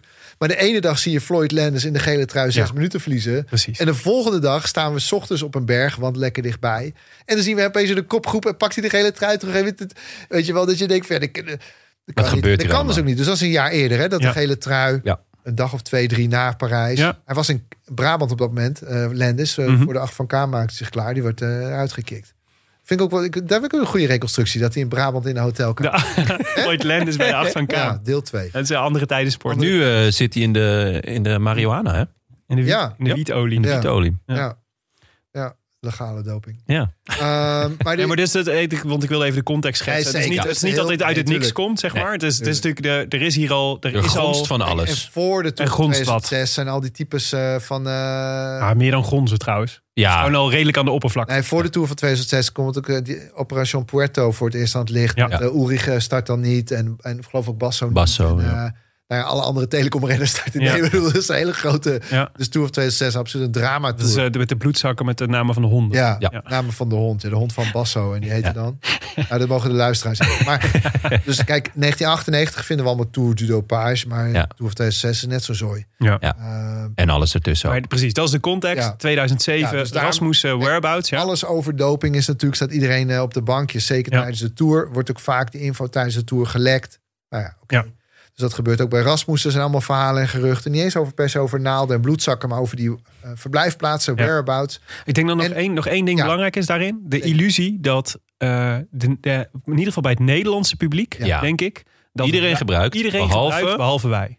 Ja. Ja, met Nederlandse... name behalve Michael Boog. Behalve Ja. Michael Boog. Dat, Ja. was, dat was mijn motto. Ja. Iedereen pakt, behalve Ja. Michael Ja, Boog. zo Nee, maar, dat, maar dat, is, dat is natuurlijk belangrijk, want dat gaat natuurlijk over hè, wel, welke, welke, wat, in welk licht wordt dit bezien. Nee, en, en, Ja. en wie, hoe, hoe kijk, dat is super belangrijk om de context te begrijpen.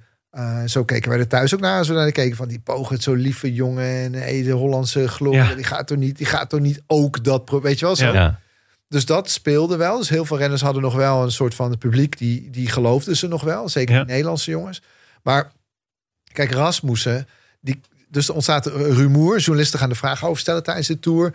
Er wordt, eh, het zijn voor mij meerdere persconferenties, bijna in ieder geval één, waarbij die echt in het nauw wordt gedreven. Eh, Jacob Bergsma is dan de perschef. Nou, Die heeft heel veel eh, dingen bij die ploeg veranderd en denk ik goede dingen gedaan. Maar die, die, die spint ook wel een rookgordijn over wat er dan met die whereabouts aan de hand is. Er wordt op zijn minst niet duidelijk gecommuniceerd, maar op zijn best denk ik zeker ook wel slechts. Zeker ook versluierend. Dus Ja. er ontstaat ook wel het beeld van er wordt hier toch wat gerommeld. Uh, mensen beginnen dat toen niet helemaal te vertrouwen, hè, hoe Rasmussen daar opereert. En uh, waar Cassani, waar we mee begonnen, wat eigenlijk een beetje de nagel aan deze doodskist is, is dat Cassani dan in een uitzending zegt, op, op, voor mij op de Italiaanse tv waar die analist ja. is, van ja, nee, ik heb... Ik, ben, ik heb Rasmussen gezien toen en ja, toen. Was gewoon aan Hij was aan het trainen. Aan de top van de Dolomieten ergens. Ja, het regende hard. Ja. En uh, dan uh, Rasmus gaat trainen in de regen. En deze Cassani, al geen rennen meer, die rijdt ook in de regen.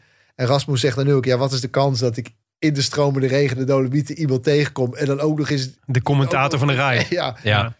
Uh, en Rasmussen trainde in het zwart.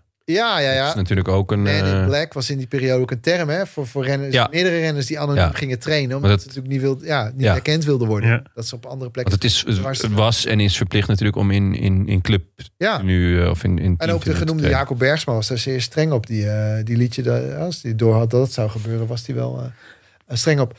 Dus daar werd binnen de ploeg wel op gelet. Maar Erasmus eh, kiest zijn eigen pad, komt die Cassani tegen. En Cassani zegt dat op tv. En daar komen dan weer vragen over. Ja. Eh, en dat drijft hem eigenlijk naar de rand van de afgrond. En dan kan hij niet meer eh ja, gehandhaafd worden. maar het fascineert... Nee, nou, hij kan niet meer Volgens Theo gehandhaafd de Roy kan hij niet meer gehandhaafd Nee, en volgens de, de Rabobank thuis, zeg maar, in Nederland eigenlijk ook niet. Dus er, er, er Ja ontstaat een soort gekke dynamiek volgens mij. Ja en nee. Want, want, want, eh, de, Theo de Roy neemt eigenlijk vrij snel... ik denk ook een emotionele beslissing van... hij moet hier weg, dit kan niet meer. En die stuurt hem weg. Ja. Maar binnen de bank... Theo de Roy, de opvolger van Ja, Raas de, de opvolger van Raas. En die een heleboel dingen heel goed aanpakt. Ja. Maar ook een man is die eh, heeft te dealen met die tijd. En daar ja, ook een moeilijke keuze moet maken. Want ja, als hij zegt er is hier veel doping, moeten we ermee stoppen. Dan zijn ook, weet ik niet hoeveel mensen hun baan Ja. kwijt. Eh mechaniciens, andere mensen, wat dan ook. Dus ik denk niet dat hij een heel makkelijke keuze had. Maar hij was ook niet de, degene die, die dan inderdaad ging zeggen... we gaan het nu helemaal anders Nee. doen, er geen doping in. Ja. Met de vraag is of hij dat wel had kunnen doen. eh, Ja. En een wielerploeg leiden. Maar ehm, de Roy neemt toch wel, nou ja, denk ik ook redelijk emotionele beslissing. Hij gaat eruit, hij gaat nu weg. En, eh, en bij de bank hebben ze zich toch wel afgevraagd van ja, hadden we daar niet wat langer over na moeten denken? Als je nu tegen die- mijn idee is soort van oké, als je nou echt valsspeler bent, Lance Armstrong, Johan Bruineel en eh, anderen, ja, die reden gewoon die gele trui naar Parijs. Maak er nou uit, man. Uh, naald geen en de sterker Ja. nog, die regelde gewoon dat, dat het allemaal goed gebeurde, dat dopinggebruik. Kijk, als je eigenlijk had je misschien dan wel moeten zeggen, ja, we hebben nu die gele trui, er wordt gerommeld, lekker boeiend, eh rijden ding naar Parijs, man. Liegen drie keer over, wat zal nou? Ja. Iedereen die top 3, 4, 5, 10 doet het allemaal. Waar gaan we nou heilig zitten doen? Maar die bankiers zeggen, die, die vinden dat dan weer een belachelijke gedachte. Van nee, dat had nooit gekund. We hadden toen moeten stoppen. Alleen dat, dat overleg met de Roy hadden ze anders gewild. Ja. De Roy raakte natuurlijk ook zijn baan kwijt daarna. En, en, en, en met dit als reden. Dat, dat, dat mensen binnen die bank vonden dat hij dat niet goed had, eh, zeg maar, had aangepakt. Ja. Maar ik vind hem Maar dit was, wel- echt, dit was echt een paar dagen van Parijs vandaan. Ja, ja, ja. Dit Ja. Is, eh, Etappe we 17. zijn de. Obiskop gereden. Ja. En ze moeten geloof ik nog één of twee vlakke etappes een tijdrit. Eh, ze moeten nog ja, drie, vier, vier etappes. Ja. Maar het is natuurlijk... dacht Dat, dat die donderdag of die Ik dacht de, dat tragiek etappe is 17. natuurlijk, de tragiek is natuurlijk zo... De, de- dus dit is een project waar dan al jaren en Ja. jaren aan gewerkt is... wat, wat nou ja, vrij letterlijk binnen handbereik is. Ja, ja, ja, zeker. Eh, en wat niet eens door, door, hè, door de, de, de, eh, de tourorganisatie grijpt niet in. Nee. Maar jij zelf besluit, wij, eh, wij trekken deze, de gele trui. Ja. Eh, we, willen, Oh, we willen hem niet winnen. Ik was zo Nee, nou ja, dat willen we niet winnen. Kijk, Ja. dat, dat zeggen we nou met te lachen op ons gezicht. ja, Maar uiteindelijk, winnen is natuurlijk winning at all cost. Ja. Winnen ten koste van alles wat Ja. Armstrong was. En, en eindelijk, ik denk misschien is dat wel het belangrijkste thema in het boek. Is niet ten koste van alles willen winnen. Niet Ja. de superkiller zijn. Niet de Jan Raas in zijn beste dagen. Nog één keer de erenlijst. Nee. ja. Ik bedoel, E3-prijs. dat... Drie keer, hè? Drie keer. Drie keer, oké. Maar dat was er niet. En dat is er op dat moment ook niet. Ja. Ik bedoel, op zich, wat, wat de Roy doet, is natuurlijk ergens wel prima te begrijpen. Ik bedoel, Ja. het is natuurlijk, ja, iedereen ziet dat Rasmussen liegt. eh heb het er weg ermee, willen van het gezeik af. Ja. Maar je mist de grootste overwinning ooit. Stel dat Ja. Jan Raas in de auto had gezeten. Ehm, ja, die had gewoon, eh, denk ik, hem de berg op en af gevloekt. En, eh, ja, nee, Maar- ja, nee, ja. En die oh, nee, nou, trouwens, laten we heel duidelijk. Raas had Rasmussen niet per se gewild. Hè? Mm. Eh, die heeft er nou een klein grapje voor. Raas moest hem niet. Rasmus is dan de Zeeuwse verbastering. Ah. Dat zegt hij zelf. Ja, nee, dat is niet... Maar ehm, gek genoeg, eh, Jon en ik hadden, het er, eh, had, hadden, hebben ook voorgesprekken gevoerd. Ja, ja met elkaar Ja. ook? Ja, Nee, maar maar weekjes hoor. Paar weekjes. ook, ja. Wat ik een van de fascinerende dingen vind, als ik terugdenk aan de, en ik denk dat veel luisteraars dat misschien zullen herkennen, maar als ik terugdenk aan de Rabo-tijd, eigenlijk eindigt het voor mij hier. Ja. Als Ja. in, eh, als in de, het Rabo-project, zeg maar. Eh, het is op zijn minst het begin van het einde. En ik ben iedere keer schrik ik weer dat het dan nog jaren doorgaat Ja, daarna. maar kijk, de Roy redt de ploeg. Ja, volgens mij noem ik hem een, eh, of een generaal of een kolonel of iets uit het leger die hè, op de granaat springt zodat zijn mannen gered worden. Dat Ja. is wel wat hij in mijn beleving doet. ja. Ehm, voor hem een moeilijke periode op terug te kijken, doet hij niet graag eh, naar een herinnering. Maar ik denk daardoor, door weer eigenlijk die situatie te creëren van het is die maffe eenling, wat Ja. je bij Rasmus trouwens ook prima kan vinden. Een waanzinnige Ja. topsporter, heel heel boeiende kerel, ja, zeer succesvol. Maar je kunt hem ook makkelijk in dat frame zetten. zeker. De, man die zijn, eh, zijn zijn, handremmetjes veilt. Ja, Om een paar grammen te stickers winnen. van de buis, weet ik Ja, allemaal. ja, ja. ja. Alles, eh, de meest eh, prachtige voorbeelden die we allemaal kennen. Eh, maar die je zeker nog een keer moet langs. Gewoon een fascinerende man. Die docu ook over makkelijk- gemaakt. Ja, ja, mooie docu, zeker. Ja, zeker staat op YouTube over, over deze tour. Ja. Inclusief Ja. eh, met Rasmussen. Precies welk moment de Contador ging aanvallen. Echt aanraden. En ze laten hem de obiesk opfietsen en daarbovenuit hijgen. En al zijn pijn gewoon. Natuurlijk, Ja. je bent altijd emotioneel als je gesport hebt, toch? Een Tuurlijk. beetje Ja, kwetsbaar. ja, ja. Ah, prachtige documentaire. Ik denk Kees Jong, kind weer bij betrokken. Ja. Zoals vaak. Vast. Toch briljant in zijn Ja. vak. Zeker. Eh, andere tijden sport. En Ja. alle andere briljante mensen daar. Ehm, maar kijk, je kan Rasmus ook makkelijk wegzetten als die ene Ja. malle gozer. En daarmee is ook weer dat frame van het, in de wielersport ook altijd. Het zijn eenlingen en we weten er niet van. En we zien ze niet altijd. En ze trainen niet. eh, ja, natuurlijk ook op zich raar. Dat je, Hoe kunnen we dit gemist hebben? hey, we kunnen dit gemist hebben omdat ze altijd de eigen Ja. gang gaan. Zo dat soort verhalen. Ja, Dus in dat stramien past het dan ook wel weer. En eh, daarmee redden ze toch die ploeg. Ja. Ook, kijk, dopinggebruik van Rasmussen wordt natuurlijk pas jaren later onomstotelijk bewezen. ja. Dat is natuurlijk ook het rare. Weet je, het grootste schandaal uit die ploeg gaat eigenlijk over vage regels. Ja. En, en niet over eh, doping. Hier zit natuurlijk uiteindelijk, hè, dus ik denk dat we zo naar de, de, de laatste periode hè, Nu al? sukkelen naar het einde gaan. Volgens- volgens- volgens- Maar hier zit de 1 uur hamvraag. 37. Maar de hamvraag is hier natuurlijk ook: wat wist de bank? ja. Hè? Ja, Van, eh, Dat is echt... In de- mijn ogen, wat, wat, dat bleef echt hangen bij de boek. in hoeverre is de, hè, de- dus ehm, volgens mij het beeld dat Rabobank graag ophangt. Is, Ik weet niet of dat helemaal is. Wij Ja, zijn, maar- wij zijn besodemieterd, Ja. eigenlijk. Hè? Zeker. Dat is het Ehm, wat ze willen uitdragen. ze hebben het niet geweten. Of op zijn we Duits. hadden, we hadden Ah, nee, nooit- laten we dat wij, wij waren, Laten we dat nou niet doen. Wat? Hoe, hoe zou je dat in Nee, Duits vertalen? Hoe zou je dat in Duits vertalen? Nee, mijn Duits is echt heel roestig. Nee, dat gaan we niet doen. Die, die hoek, die hoek laten we die hoek even laten. Maar de, de, dus, dus we zijn besodemieterd. We, hadden, we zijn, eh, na, we zijn misschien naïef geweest, maar dat is eigenlijk alles wat je ons kunt verwijten. Toch? Ja, ja, ja plat, zo zeggen ze het, ja. plat gezegd. Ja. Eh, en aan de andere kant heb je natuurlijk, ehm, laat ik zeggen, eh, de bank was, eh, was volledig op de hoogte, heeft het zelfs Ja. aangemoedigd. Stelde zelf de EPO. Bestelde cel. Waar, waar denk jij dat de waarheid ligt? Ik ga het woord midden niet gebruiken in dit antwoord. Ehm, nou, ja, het is in elk geval... Wat, Nou, wat, drie kwart mag ook. Nee, Ja, ik nee, wou net maar zeggen. als je de... Kijk, als je iets zo vaak hoort, Ja. dan word ik altijd wel achterdochtig. Mhm. Van dan kan het of waar zijn, maar de gretigheid waarmee al die mensen uit de bank dan zeiden van nee, wij stonden er echt te ver vanaf en we wisten het echt niet. Maar aan de andere kant zijn heel veel van die mensen wel, ja nee, ik snap die sport wel heel goed, want ik weet heel veel van wielrennen of zo. Ja, ik werd er toch een beetje, dat ik dacht van ja, hoe zit het? Ehm, en heel veel mensen die natuurlijk tegen mij riepen van ja, ze hebben het geweten. Hoe is dat in het Duits? Nee, maar ik bedoel, ze, maar ik bedoel, ze, precies ge- ja, ze wisten dat toch. En weet je wel, dat, Ja. dat onderbuikgevoel. Wat ik is de heel Baanhof. Ja. Oh. Ja. Nee, maar eh, d- en dat onderbuikgevoel, dat begreep ik ook wel. Ja. Dus, wat moet je dan doen? Ehm, ja, toch eens wat proberen. En bij bepaalde bankiers die toch eens waar je dan wat langer mee spreekt. Kijk, uiteindelijk denk ik ook wel vaak als je slimme mensen die rationeel denken. eh, als je die rationeel een kant op krijgt dat je zeg maar hun zelf kunt laten zien.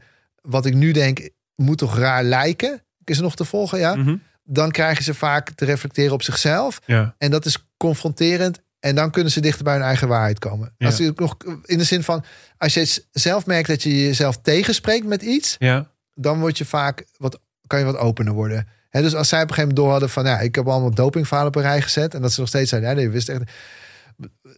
Dan merkte je dat er binnen die bank van mensen waren. En nu moet ik toch even mezelf verklaren. En in Ja. die verklaringen kwam dan va- vaak uitleggen van, ik dacht, hm.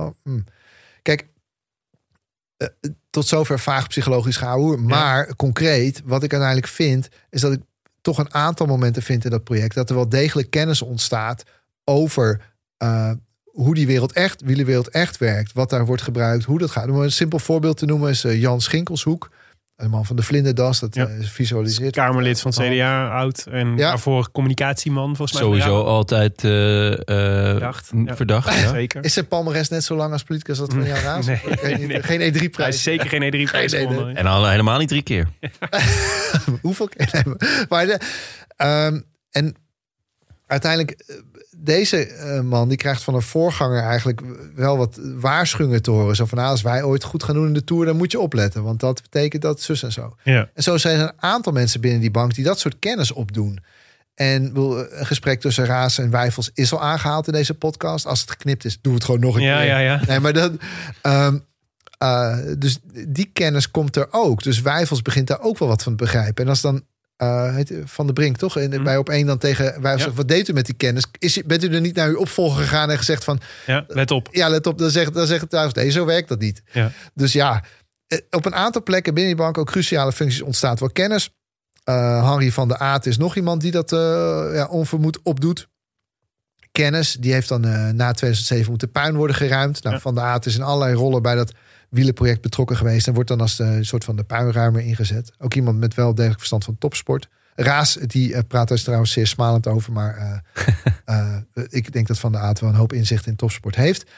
En Van der Aat gaat er met allerlei mensen praten binnen die ploeg. Wat je dan als puinruimer doet. Van eh, ja, wat, wat, wat, kom jij tegen in je werk? Wat kan er beter anders? Wat dan ook. En die spreekt dan ook een dokter. Eh, uit mijn hoofd is het van Mantgem. Ja, ook na drie dagen mijn boek lezen. Sorry, even Mhm. een week. Ja. Maar van Mantgem heeft hij een gesprek mee. Mensen kunnen zelf ook dit boek lezen. Hè? Ja? Ja, Dat raden we ook. Komen we bestellen? Nee, dat zit- Komen we Ja, ook iedereen de aan. reclame voor de uitzending. Nee, maar eh, dan van Mantgem wordt dan door Van der Aert de vraag gesteld in de lijn van... nou, gebeurt hier wat of doen we wat? En, en, en, en Van der Aert ziet die dokter rood worden. Mhm. En, en ik denk dat beide zich rot schrikken. Maar ook dat gaat niet verder. Die kennis, daarvoor gebeurt eigenlijk weinig mee. Dus in, Ja. op allerlei momenten zijn er wel degelijk mensen die wat begrijpen over wat er gebeurt. Dus zeggen ze dat nu tegen mij omdat ze niet dom willen overkomen? Of was het echt zo? Ik denk dat het echt zo was. Alleen niemand heeft de behoefte om deze kip met de gouden eieren te slachten. Nee. Dat is mijn Nee, idee. Zelfs op dat moment niet. Natuurlijk niet, want je bent Ja, dus, dus dan kunnen we in ieder geval zeggen... ze hebben bewust de andere kant op gekeken. Ja, ze hebben het niet willen weten. Duits, hoe is dat in het Duits? Nee, maar, eh, nou, kijk, ze hebben in elk geval bewust niet harder doorgepakt. Nee, precies. Ja. Kijk, de, de Rabobank was niet de ethische commissie van het wielrennen. Nee. nee, maar ook niet de, de systematische dopingfabriek. Nee, dat zeker niet. Kijk, er was geen, eh, hè, er was geen bestellijst eh, van dat Herman Nee. Wijfels een rondstuurde van vul even in wat je wil hebben. Nee, maar dat, was natuurlijk, dat is natuurlijk... Hè, de- laten we even dan de context van die tijd. Dus je noemde... US Postal. US Postal refereerde, Ja. refereerde je net aan. Ja, heel terecht. Kijk, daar is natuurlijk op een gegeven moment zijn er ploegen ontstaan die, die van die doping systematisch eh, gewoon tot, tot onderdeel van de, van de, van de, van de klassieke, van de, van de reguliere verzorging hebben gemaakt. Sterker, ploegen US Postal was, als je niet mee wil doen aan dit programma, Bruineel, dan ben je hier niet welkom. Nou, niet alleen dat, maar ook gewoon hoe het dan zeg maar praktisch werkte. Als jij Johan Breneel aan de lijn had en hij hoorde iets over jouw doping, wat Ja. hem niet zinde of wat niet helemaal goed ging, of dan had je een kwartier later eh Delmoral heet die man toch, de, de Ja. arts van, eh van Ja. de. Die had je aan de lijn en die ging je dan even uitleggen hoe je het wel moest doen. Ja. Dus dat was natuurlijk een heel. Ja, dus, maar dat is dus echt nog een andere wereld. Dus, ja, eh, tuurlijk. dus, dus, dus, dat Theo de Rooij het ooit heeft gedaan is, heb Ja. ik niks van gevonden, maar het is in mijn optiek ook onbestaanbaar. Ja, nee, maar kijk, het gaat natuurlijk man. over wat kun je de bank kwalijk nemen. Hè, dus het is nog wat. Het is eh, geen crimineel netwerk zoals ik Nee, bij US Postal echt wel kunt benoemen. Nou, het is in elk geval een sportief crimineel netwerk. Ik wil niet alle grote. Maar goed, het is natuurlijk Ja. sportief bedrog. eh, Ja, ja, tot Systematisch, letters, zeg maar. ja. Ja. Ja, ja, maar ook Ja. helemaal ge- ge- gecoördineerd en ingeleid. De dat was bij US is op een gegeven moment ook... eh, Ze zijn toch als, als ploeg soort van aangeklaagd. Ja, En dat, dat zou bij Rabobank niet kunnen. nee. Nee. Nou ja, wat ik over aanklagen altijd wel grappig vind. En er wordt altijd een beetje. Bankiers lachen altijd een beetje tegen mij als ik het zeg. Maar ik vind het wel. Kijk, ehm, in al die contracten stond ook dat als je doping gebruikt, dat je dan uitging. Die clausules er vanaf dag één en dat er allerlei consequenties waren en zo. Waarom heeft de Rabobank nooit al die salarissen van die wielrenners die nou dopinggebruik bekennen opgeëist? Mhm. Dat kunnen ze juridisch voor mij probleemloos doen. Ja.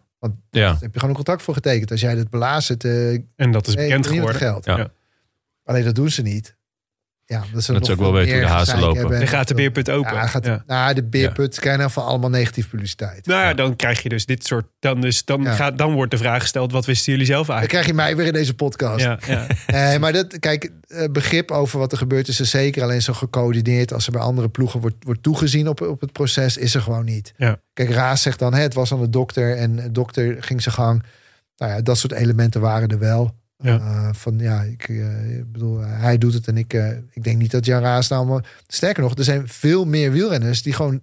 En het is voor echt dat Jan Raas tegen zegt: nee, je hoeft helemaal niet te gebruiken, je hoeft dat helemaal niet. Ja. En dat ook meende. En die renners ook gewoon wilden dat ze gewoon zo presteerden.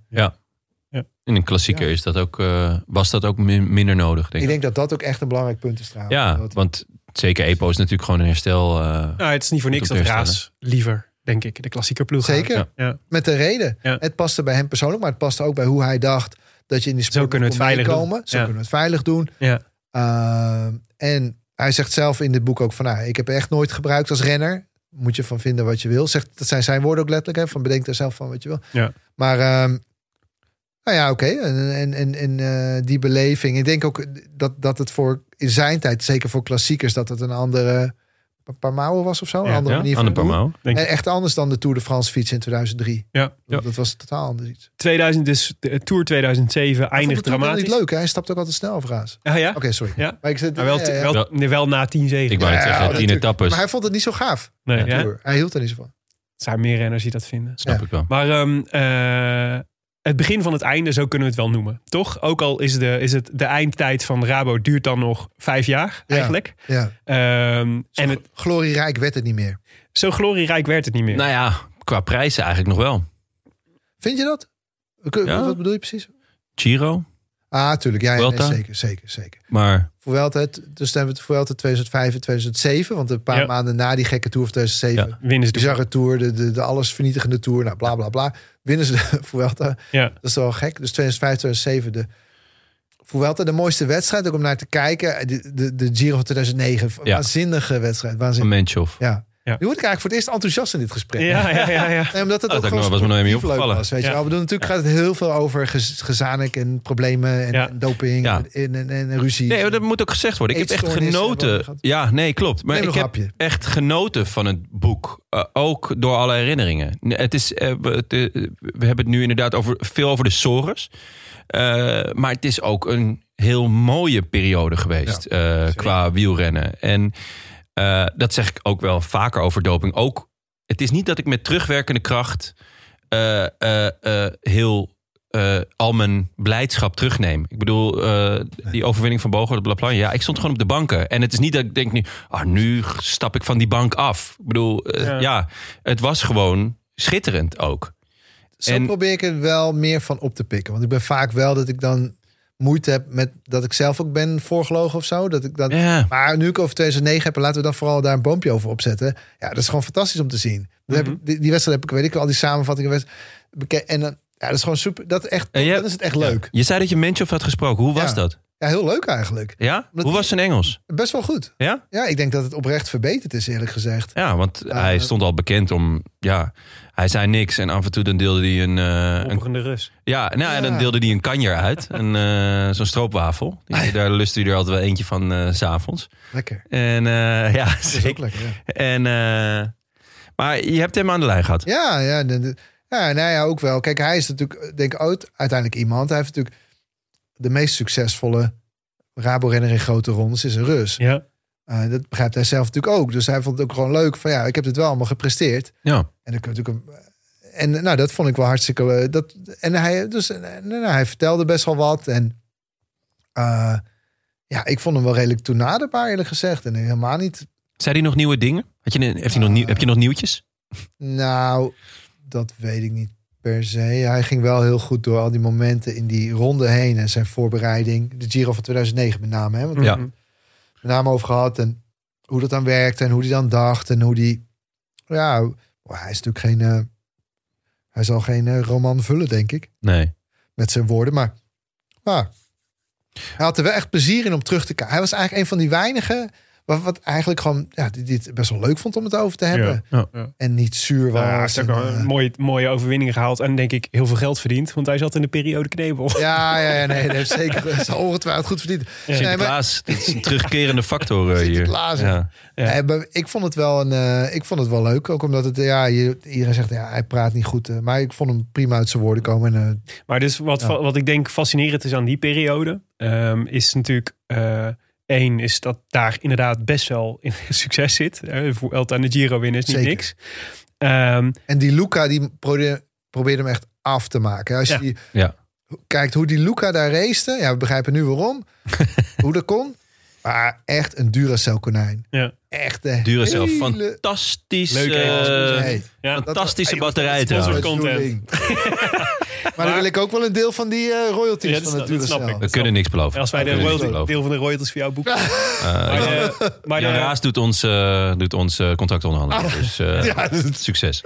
nee, maar dus de, de het sportieve succes. Maar eh, wat daar ook gebeurt, is denk ik dat je voor het eerst. Hè, we hadden, je had het over Raas en die constateerde er was gewoon geen talent.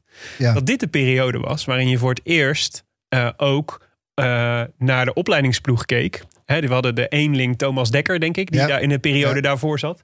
Maar waarvoor je, het eer, waarvoor je voor het eerst een generatie nieuwe Nederlandse wielrenners zag opstaan. eh, die voortkwam uit het Rabobank wielerplan. Zeker. Die eigenlijk eh, de eerste generatie echte Rabo-jongens was. Die de volledige opleiding hadden doorstaan. Zeker. Dus dan, eh, ik, geloof dat ze in die eh, Giro van 2009 nog niet eh, ontzettend belangrijk zijn. Maar in die periode kwam in elk geval Ja. Mollema, Kelderman, Geesink. Kruiswijk, Geesink. Ja. Geesink is vooral wel een voorbeeld die in die periode al meedoet. Maar natuurlijk in 2009 zelf al eh, hè, de, de een en ander Mhm. waarmaakt. Eh, maar die jonge Nederlanders komen dan op. En dat is ook wel...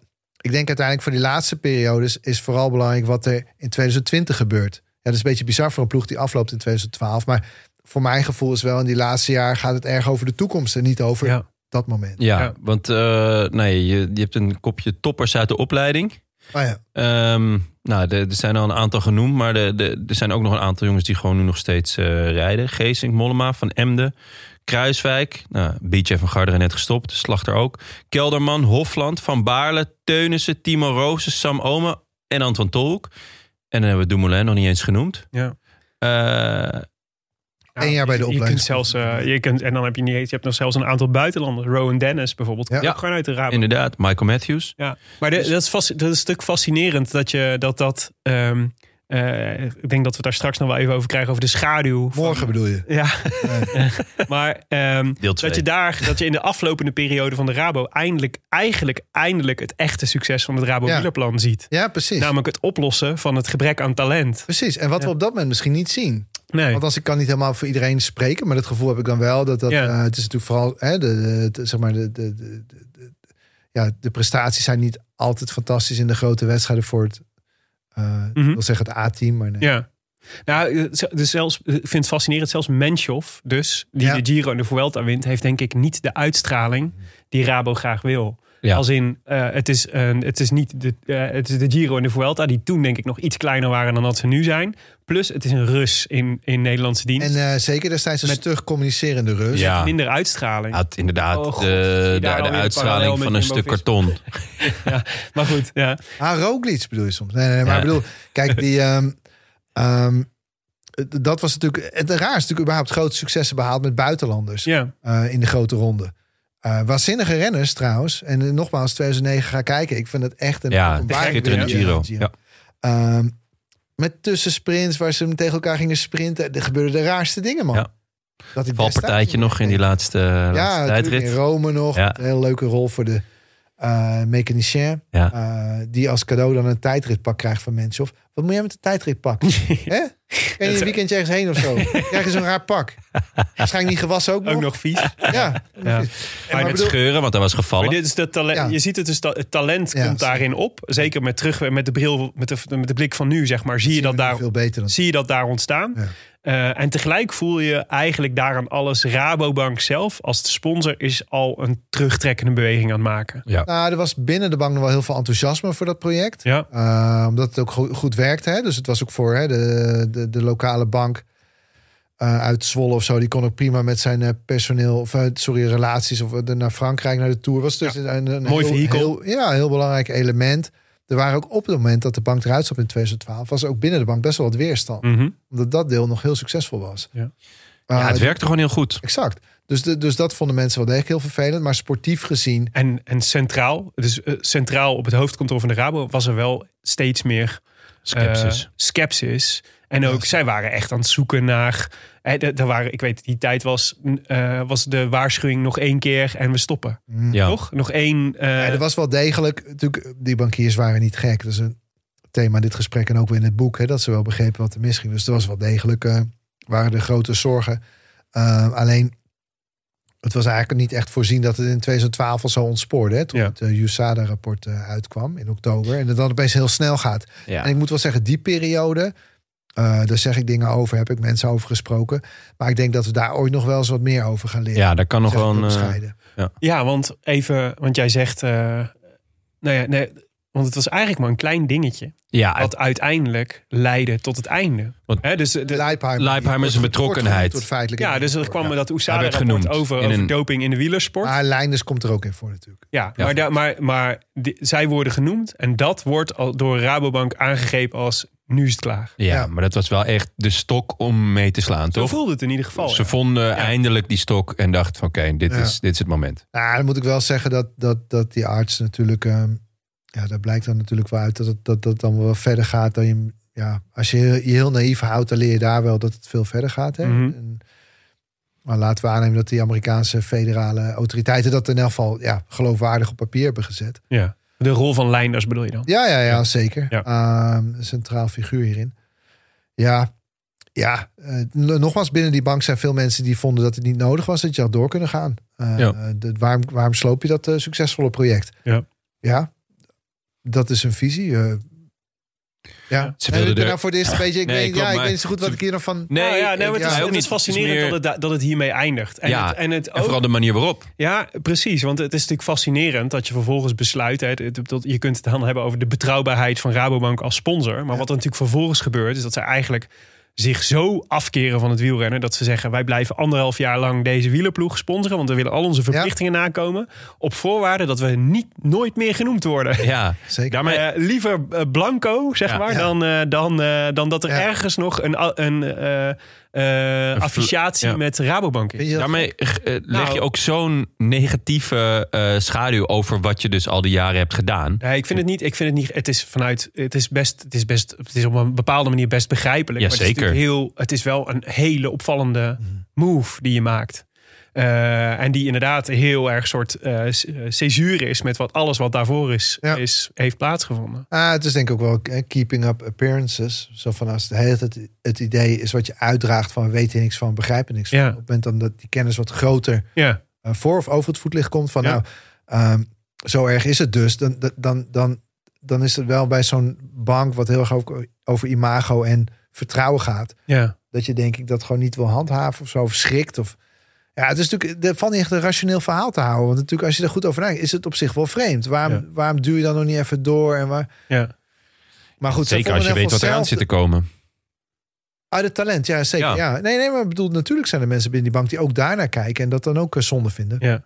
En zeker zonde vinden op het moment dat het succes er komt. Ja. Ehm, al moet ik ook wel zeggen dat de echte leidinggevenden op dat moment, die zijn ook wel, die zijn ook wel zakelijk. Zo van, nou ja, wij namen die beslissing. Dan moet je ook niet meer gaan zeuren als er in 2016 iemand namens hè, eh, een Ja. andere ploeg dan wint of zo. Ja. Dus dat snap ik ook wel weer. Het is ook een zakelijk iets. Maar ik denk dat, ja, ja ik vind dat ook een, uiteindelijk ook een, een, een, een vreemd iets. Ik kan daar ook. eh, Nou, het is, natuurlijk ook niet de woordvoerder van de Rabobank natuurlijk. Maar dit, het is natuurlijk wel gek dat je dan opeens dan wel eh, vindt dat, dat je dat moet stoppen. Ja. we hadden het natuurlijk al over hè, de, de, de lange schaduw van het Rabobank wielerplan. Hè, dus lang. dat we tot op de dag van vandaag eigenlijk profiteren van het feit dat zij zoveel hebben geïnvesteerd in jong talent. Dus dat de, de toppers van nu, de Nederlandse toppers van nu, eigenlijk allemaal daar vandaan komen. Ja. Denk Maar daar stopt het ook. Mathieu van der Poel de eerste renner, Ja. eh, de eerste echte wereldtopper is, zeg maar, eh, van Nederlandse bodem die niet uit het Rabobank wielerplan komt. Ja. Dumoulin heeft er één jaar bij gereden. ja en, en, Wout, maar ja. en Wout Poels. Oh ja, Wout Poels. Ja. Zijn broer heeft bij de junioren van Rabobank gereden. Ja, maar, Maar dat wil niemand weten natuurlijk. Maar het is wel, nee, het is wel Ja. leuk, een leuke gozer ook trouwens, die Ja. broer. Ja. Zeker. maar Er staat ook trouwens, dat ene mini-detail wat ik wel grappig vind. Heeft het boek volgens mij niet gehaald. Dat wil ik rechtzetten. ja, Is dat, wat blijft er over van de wielenploeg? Ja. Standbeelden, weet ik veel, weinig toch? Mhm. Ja. Dus ehm, een van de dingen die overblijft is voor mij op een, op een eh, rots in Portugal langs de weg. Er staat eh, de broer van eh, Wout Poels staat er nog in die rots, omdat hij het WK junioren daar reed. en zijn, denk zijn familie of zo meeging en daar, die rots heeft volgekalkt. En nog steeds als je op, eh met mij hele, op Google hele Maps verf. opzoekt, dat stukje Ja? rots staat nog steeds die. Echt? Echt Oh, waar. wat goed zeg. Dat vind ik fantastisch. Ja. Dat vind ik heel leuk. Oké, nou weet je, dan laten we dan... de- laten we Nee, daar heb je wel degelijk wat aan. Want ik was al op zoek naar iets waar we... We hebben natuurlijk eh boek Afronden. gelezen. Nee, Nee, nee, nee. al, morgen. Nee, nee, nee, nee, nee. Wacht, wacht, wacht, wacht, wacht. Oh, We hebben natuurlijk een boek te verloten. oh ja. Rabo. Ja. Dus de eerste luisteraar die ons een screenshot stuurt... van de Google... Van, de, van die plek, zeg maar. Met het... eh, hoe heet de broer van Wout Poels? Eh, Staat er de broer Norbert. van Wout? Norbert Poels. Met Norbert Poels op een Portugese rots. Die wint, de, wint eh, jouw boek. De. Schitterend. Lijkt me Lijken die afbeeldingen aangepast, rots overgeschilderd. Ja, Norbert Poels in Ah, dat Portugal. dat willen, we, dat ja. willen we graag zien. Nee, maar dit, Ja. dus ehm, die, eh, die schaduw Wat is... een rottige opdracht trouwens. Ja, ja, ja. Goed. wat eh, het, is, het is niet makkelijk, hè? Als je twee uur naar een podcast kan luisteren, kun je ook even naar Google Maps. dan. Maar ehm, eh, Iedereen boven de 50 gaat hier wel moeite mee. Of ben je... Die luisteren niet, joh. nee, niet. Die liggen Nee. lang te pitten. Ehm, maar de, de, lange schaduw hebben we het natuurlijk al over gehad. Ehm, eh, maar de andere kant, en ik denk dat we zo nog even over wat, wat dat zegt over de periode die nu gaat komen. Ja. Maar Morgen. eh, de andere kant is natuurlijk eh, het spiegelbeeld. Ja? Jumbo Visma. Als ik naar Symbolisme? Nee, want je maakt altijd van die woordgrapjes, maar hier niet over. eh, Lotto Jumbo, ja. Ja. Jotto Eh, Lumbo. maar je, kijk, Jumbo Visma is de Raboploeg in volle glorie eigenlijk. Hè? Eh, en eh, het fascinerende is dat heel, toen ik dit boek las en ik terugdacht aan het interview wat we met Marijn Zeeman bijvoorbeeld hebben Ja. gehad. En wat ik lees over Jumbo Visma. En over hoe zij aan het uitbreiden zijn met een opleidingsploeg en een damesploeg. En hoe ik eh, bij de ronde van de Orteliusstraat hier in Amsterdam was en zag dat Jumbo Visma die aan, of dat Jumbo dat aan het sponsoren was. Ja. Dacht, hier zie ik de contouren van het Rabobank wielerplan. eh, maar dan twintig jaar later. Ja, daar zijn zeker elementen die terugkomen. Tot aan Marijn Zeeman die zegt: eh, wij gaan voor geel. Geel is geel in de Tour. Dat is onze. Dat is, wij, willen, wij willen de Tour de France winnen. Ja, alleen is nu geen kreet van de bankiers die niet gestoeld is enige sportieve kennis. Maar is de sportieve leiding zelf die een reële route vindt daarheen. Uh, ik vind dat is al- een heel belangrijk verschil. Absoluut. eh, volgens mij een groot verschil. En Ja. ehm, ik vind het wel leuk dat eh, Marijn Seeman ooit afviel als junior voor de Rabank juniorenploeg. Wie kwam er toen wel in de ploeg? De kosten van hem? Ehm, Van Marijn Zeeman. Ja, moet dat niet die quizvraag ja, zijn? Dat is Adi Engels. Ah, nee, dat is op- 2008? Nee, nee, nee. Dit is, Eerder nog. eh, de- Pieter Wening komt in plaats. Ah. in de juniorenploeg dan, hè? Dus nou, vind ik geen slechte keus. Ja, wel, de- daar, Frans Maassen, die Lekker sprintje huis. Ja. eh, nog wel eens eh, Zeeman mee. Maar de, ehm, eh, dus nee, het is natuurlijk nu een, een compleet andere manier van werken en, en kijken. En eh, het begint veel meer met wat kan de sportief. En daar komen ambities uit. Eh, en natuurlijk ook omgekeerde ontwikkeling. Dat er nu dan eh, projecten uitkomen. Die, hè, wat jij Ja. zegt, zichtbaar bij kleinere wedstrijden of een opleidingsploeg. Of ze hebben nu ook een soort van scholenproject, geloof ik. waar ja, zeker. ergometers en zo naar scholen gaan. Of, Ja. Dezelfde fri- soort frictie met de KMU. Ja, ja, ja. Nee, daar weet ik dan nu helaas niet alle details van. Ja. Frictie met de KMU vond ik altijd heel grappig trouwens. Absoluut. Sportbonden zijn... Nee, maar, maar, Maar wat, ik bedoel, wat ik bedoel is natuurlijk... eh, er is eenzelfde soort big plan. Jawel, dat begint nou te komen. Maar dat Ja. begint wel te komen door het project heen. Ja. Ik hoef alleen maar te verwijzen naar jullie twee eerdere podcasts... waar ik 83 uur naar geluisterd heb. Maar dat... dat Verstandig. ja, nee, zeker. Ja, je, je komt hier niet zomaar. Maar kijk, ehm, dat, dat idee begint nou wat vorm te krijgen. Daar hebben ze nou ruimte en tijd Ja. en geld voor. Maar ik denk nog steeds dat wat Rabo deed is uniek. Dat gaat Jumbo ook niet doen. Mhm. Of Jumbo-Visma of uh, Lumbo-Jisma. ja. Nee, dat, dat, dat, dat was te groot. Hè? Wat Rabo uiteindelijk deed. Uh, ik denk dat weinig bedrijven daar een, een, een argumentatie voor gaan vinden om dat er doorheen te douwen. Mhm. ja. Ja, kan.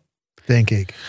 Dus Ja. ze gaan wat natuurlijk de, de- kijken ze naar elementen ervan. Veel mensen van Rabo met Rabo kennis die werken in dit project en en, en dit element om het breder te maken, om een goede opleidingsploeg te hebben, om die ze heel goed samen, veel beter laten samenwerken met de profploeg dan bij Rabo gebeurde, om, om, om Ja. een netwerk uit te rollen naar, naar, naar, naar talenten, naar scholen en naar Maar dat, maar dat, Gemeenschappen, dat is wel belangrijk. Ja, maar misschien is, is dat, dat hè, dus de, qua, wat ik denk, Jumbo als hè, de, de grote sponsor.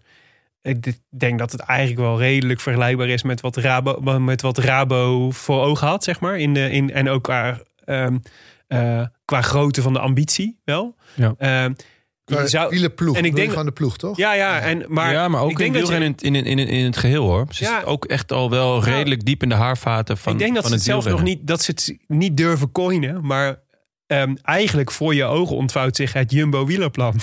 Het toch? Jumbo. Ja, Ja, en, en, en in de zin wat jij net noemt, is denk ik een hele Zit je nou belangrijke. een boekje aan mij te pitchen? Of? Nee, nee.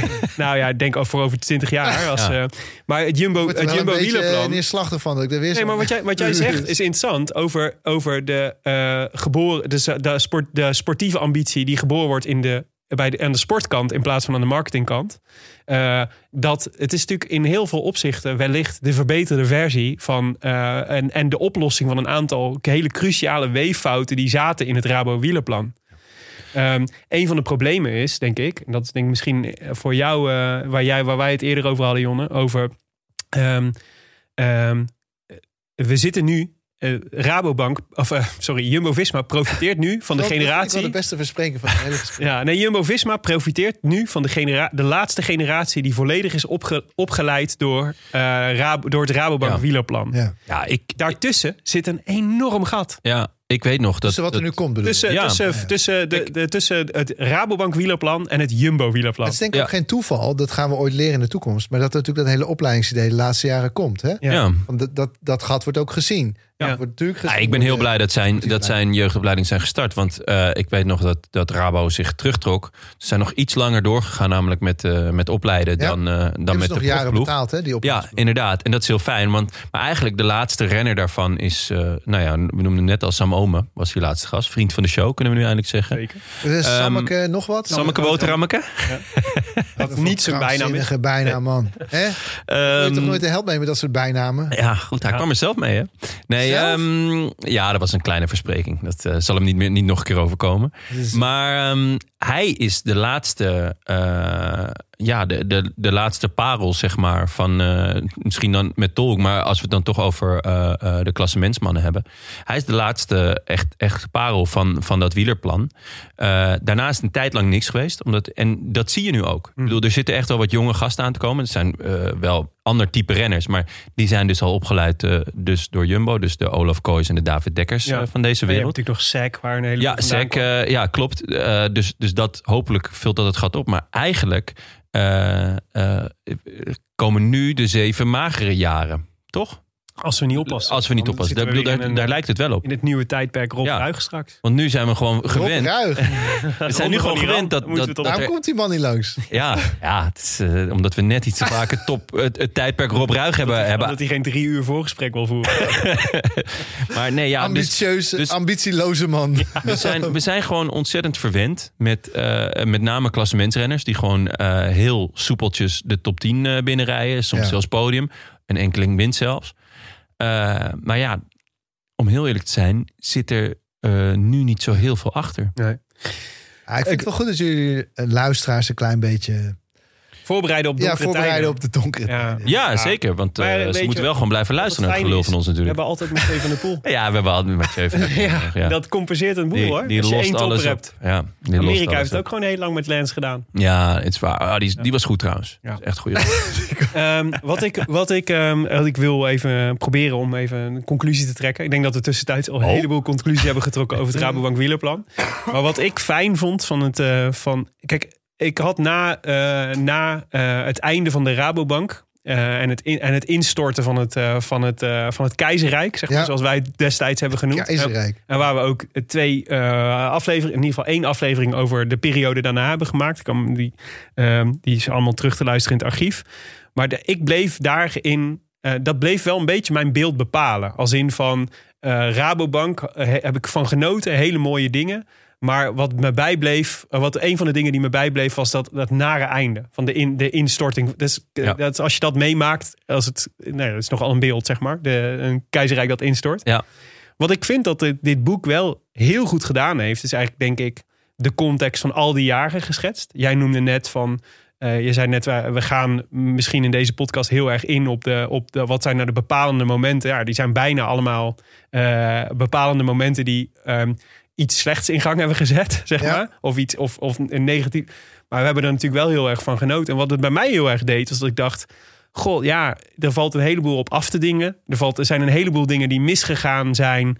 Maar god, dat hebben ze ons veel vreugde gebracht. Ja. ook. Ja, Eh, en stoppen we hier? Of? Nee, Nou, nee, maar- het is wel een mooie conclusie. Nee, maar Ja. dat- ik Ja, het is merk een belangrijke, ik vind dat een belangrijke constatering. Dat het zeg maar dat je, dat je ondanks dat je dat, dat, eh, dat daar natuurlijk. Het is natuurlijk een heel uiteindelijk een heel diep menselijk project. Gewoon met heel veel menselijke fouten die gemaakt zijn. En, en, eh, maar waar we wel, ja, wat jij zei over Rabo of uh, Bogert op La Plagne. Ja. Ja, dat is Het heeft natuurlijk. heel veel mensen heel veel plezier gegeven. Ja, en dus ook, en dus ook in, die, in die context. Het is een waanzinnig project voor Rabobank Ja, geweest. natuurlijk. Het is, het, eh, ondanks dat, er, dat de dopingschandalen en, het, en de ellende en de, wat ze er ongetwijfeld mee hebben afgezien. De Maar, helft van de wereld kent Rabobank nu gewoon. en, en Ja, dat is het, hè, de, de uitkomst. Maar alleen al de, hè, de, de, de betrokkenheid, de ideeën. Ja. Ik bedoel, bedenk nog een keertje dat er een bedrijf nu... Een, neem gewoon even een andere sport in gedachten. Voetbal of hockey. Zegt van oké, we gaan niet alleen het beste hockeyteam opstellen. We gaan ook de beste hockeyers opleiden. We gaan overal in Nederland iedereen laten hockeyen. ja, Eh, de beste hockeyers uit het buitenland komen hier En naartoe. we beginnen geven- alle grote hockeywedstrijden. En we geven de naam ook nog eens aan dat team. Ja, ja, dat is ja, natuurlijk ook uniek tuurlijk. hè, met, het, met, het, Ja, met, wielrennen. Ik bedoel, ik bedoel, het zou toch in iedere andere context megalomaan lijken als je Ja. het gewoon rustig uit gaat schrijven. En heel veel ervan is gelukt. Ja. En heel veel van die ideeën waren zeg maar marketingtechnisch heel goed. Of, of sportief werkte dat. Of zijn overgenomen of inspireren mensen. Of weet ik Ja. Dat is natuurlijk... eh, ja, het is net zo meg- megalomaan als dit boek. dus de vraag, wat, wat, ik ben net zo megalomaan als een bank. wat, had het, eh, wat had het Nederlandse wielrennen geweest zonder de Rabobank? Nou, ik Ja, denk dat dat is een niet, uitstekende vraag. niet dit. Nee. Nee. Dus eh, bedankt nog jongens. Bedankt Ja. Herman. Ah, Bedankt Herman, Jan. Ja, Herman, Jan. Ja, en bedankt Maarten, want... ehm, Oh, zijn we al klaar? Nee, nee, nee. Nou, langzaam nee, nee, nou, ik wil- nee, ho, ho. Zo makkelijk kom je niet van me af. Hè? Mag ik dan nog, eh, oké, laat ik dan één afsluitende vraag aan je stellen. Eh, Hoe gaat het een beetje? Nee, maar, Ehm, ehm, dit boek verschijnt in de zomer. ja. Eh, mensen gaan dat lezen. Je noemde net al iets over de, de reactie van Jan Raas. Ja. Eh, andere mensen die je gesproken hebt en geïnterviewd, die zullen je ook hebben, die zullen ook eh, een reactie hebben gegeven. Maar het is natuurlijk altijd dat zo'n boek, het verschijnen van een boek zelf ook weer nieuwe dingen losmaakt. Zeker. Als in eh, eh, mensen die zeggen: Oh, ik zag dat je hierover schreef, daar weet ik nog wel iets Ja. over. Of ik heb hier nog een document liggen. Zeker. Ehm, komt er nog een, eh, een herziene editie met, eh, met eh, boeiende toevoegingen aan? eh, is, is Van er nog mij of iets- van Willem? Laat ik zeggen, wij noemen het de definitieve geschiedscheiding van de, van de Rabobank. Maar daarvan, komt daarvan nog een herziene editie in jouw eh, optiek? Ehm, nou de definitieve biografie is er nooit in mijn optiek. En dat is geen valse bescheidenheid, maar dat denk ik gewoon omdat het, de, hè, de, de waarheid heeft zoveel kanten en elementen. Zeker een project waar honderden mensen aan hebben gewerkt, 17 jaar heeft. Zeker, maar laten we het dan de tot nu toe definitiefste biografie van de Rabobank noemen. Ja, eh, daar, nee, prima. Ja. Ehm, wat zijn nou? Nee, nee, Ja. ik zie nee, maar die. ehm, nou, ik denk niet dat ik hier nog een. Kijk, wat ik eerder heb gezegd, eh, wat ik nu dan. eh, 2012, dat afscheid, daar zullen we ooit denk ik nog wel eens wat meer over leren. Ja. Harold Knebel, die vond het eh, geen fantastisch idee om mee te werken aan dit boek. Wat vervelend, Harold. Wat gek is, want normaal gesproken was hij heel meewerkend. Met name bij contractonderhandelingen. Zeker, ja, ja. Dat hij je twee ton mee zou geven. Inderdaad, ja. hey, dat ziet mijn toekomst er beter uit. Bij die, ehm, en trouwens, eh, bij deze, je- kan in deze podcast komen, dan praten we gewoon met je verder. Kom ik ook hoor, daar kom ik ook. Ja. Dan krijgen jullie niet dan die scoop. Maar die, ehm, nee, maar er zullen best nog uit een aantal eh perioden een paar de- nieuwe dingen kunnen komen, denk ik. Ook advies aan mijn collega's om daar nog eens ooit in te graven. Eh, voor mij is het nu wel een beetje klaar, dit Mhm. project. Ik bedoel, ja, vijf, zes jaar. Eh, ja, ik, ik heb niet meer dezelfde. Ik bedoel, ik vind het waanzinnig om over te hebben. Heel leuke herinneringen. Maar ik zie mezelf niet nog een keer in die dingen duiken. Ik krijg tot nu toe ook niet tips die me nou aanleiding geven om dat veel te doen. Ik, tip die ik heel grappig vond, is iemand die zei: ehm, eh, Hoezo eh, wist niemand van Rasmussen, waar, waar die was, zeg maar? Want eh, iets van de. Een soort van bellijn voor bankieren stond op de op de, op de, ik geloof de, de billen van die renners of zo. Ja. Van de bellen. En iedereen kreeg daarvoor een telefoon of zo. Dus Rasmus had van de bank. Dat is gewoon één verhaal. Hè? Ik, bedoel, het is geen, ik heb het niet gedubbelcheckt of zo. Maar Rasmus heeft dan een telefoon gekregen van de bank. Dus dan had de bank altijd met hem contact. Dus hoezo wisten ze dan niet waar die was? Zo'n soort, dat soort redenaties vind ik heel leuk. Als mensen dat opsturen. En dus ik zit dat te lezen. Ik denk van, huh, ik snap zelf nauwelijks wat er staat, zeg maar. Ja. Maar dat, dat soort creativiteit vind ik wel mooi. Ja. Ja, ik heb hier geen eh, onderbouwing Dus, van. dus jij staat open voor complottheorieën van onze luisteraars. Nee. Oh, Nee. dan, want dan... Nee, nee, nee, nee. Maar in is, zaken Rabo, hè? Niet, Ja, eh, niet- ja, het is gewoon leuk om te zien hoe mensen daarover denken. En dan Ja. tips geven. Maar het is ook wel tips in deze categorie. Ik heb tot nu toe nog niks teruggekregen van ik denk, nou, dat heb ik heel erg... Ja, dat, daar moeten we nog jaren op doorzoeken. Of weken of uren. ja. Ehm, maar eh, de tips die ik krijg gaan vooral over nieuwe projecten en andere sporten. Eh, ook wel enkele binnen de, het wielrennen. Maar jij, het is wel zo dat met dit... Kijk, er zijn twee dingen om beroemd te worden. Eén is je kop op tv. De tweede is deze podcast. Eh, dat is trouwens geen geintje. Weet je hoeveel reacties ik heb gehad toen mensen hoorden dat ik hier kwam? Serieus, mensen gingen mij op het schoolplein vragen... wanneer kom je in de Rode Lantaarn? Ja, ja, echt. ja, ja, bedoel, het is leuk op één, maar dit vinden ze echt belangrijk.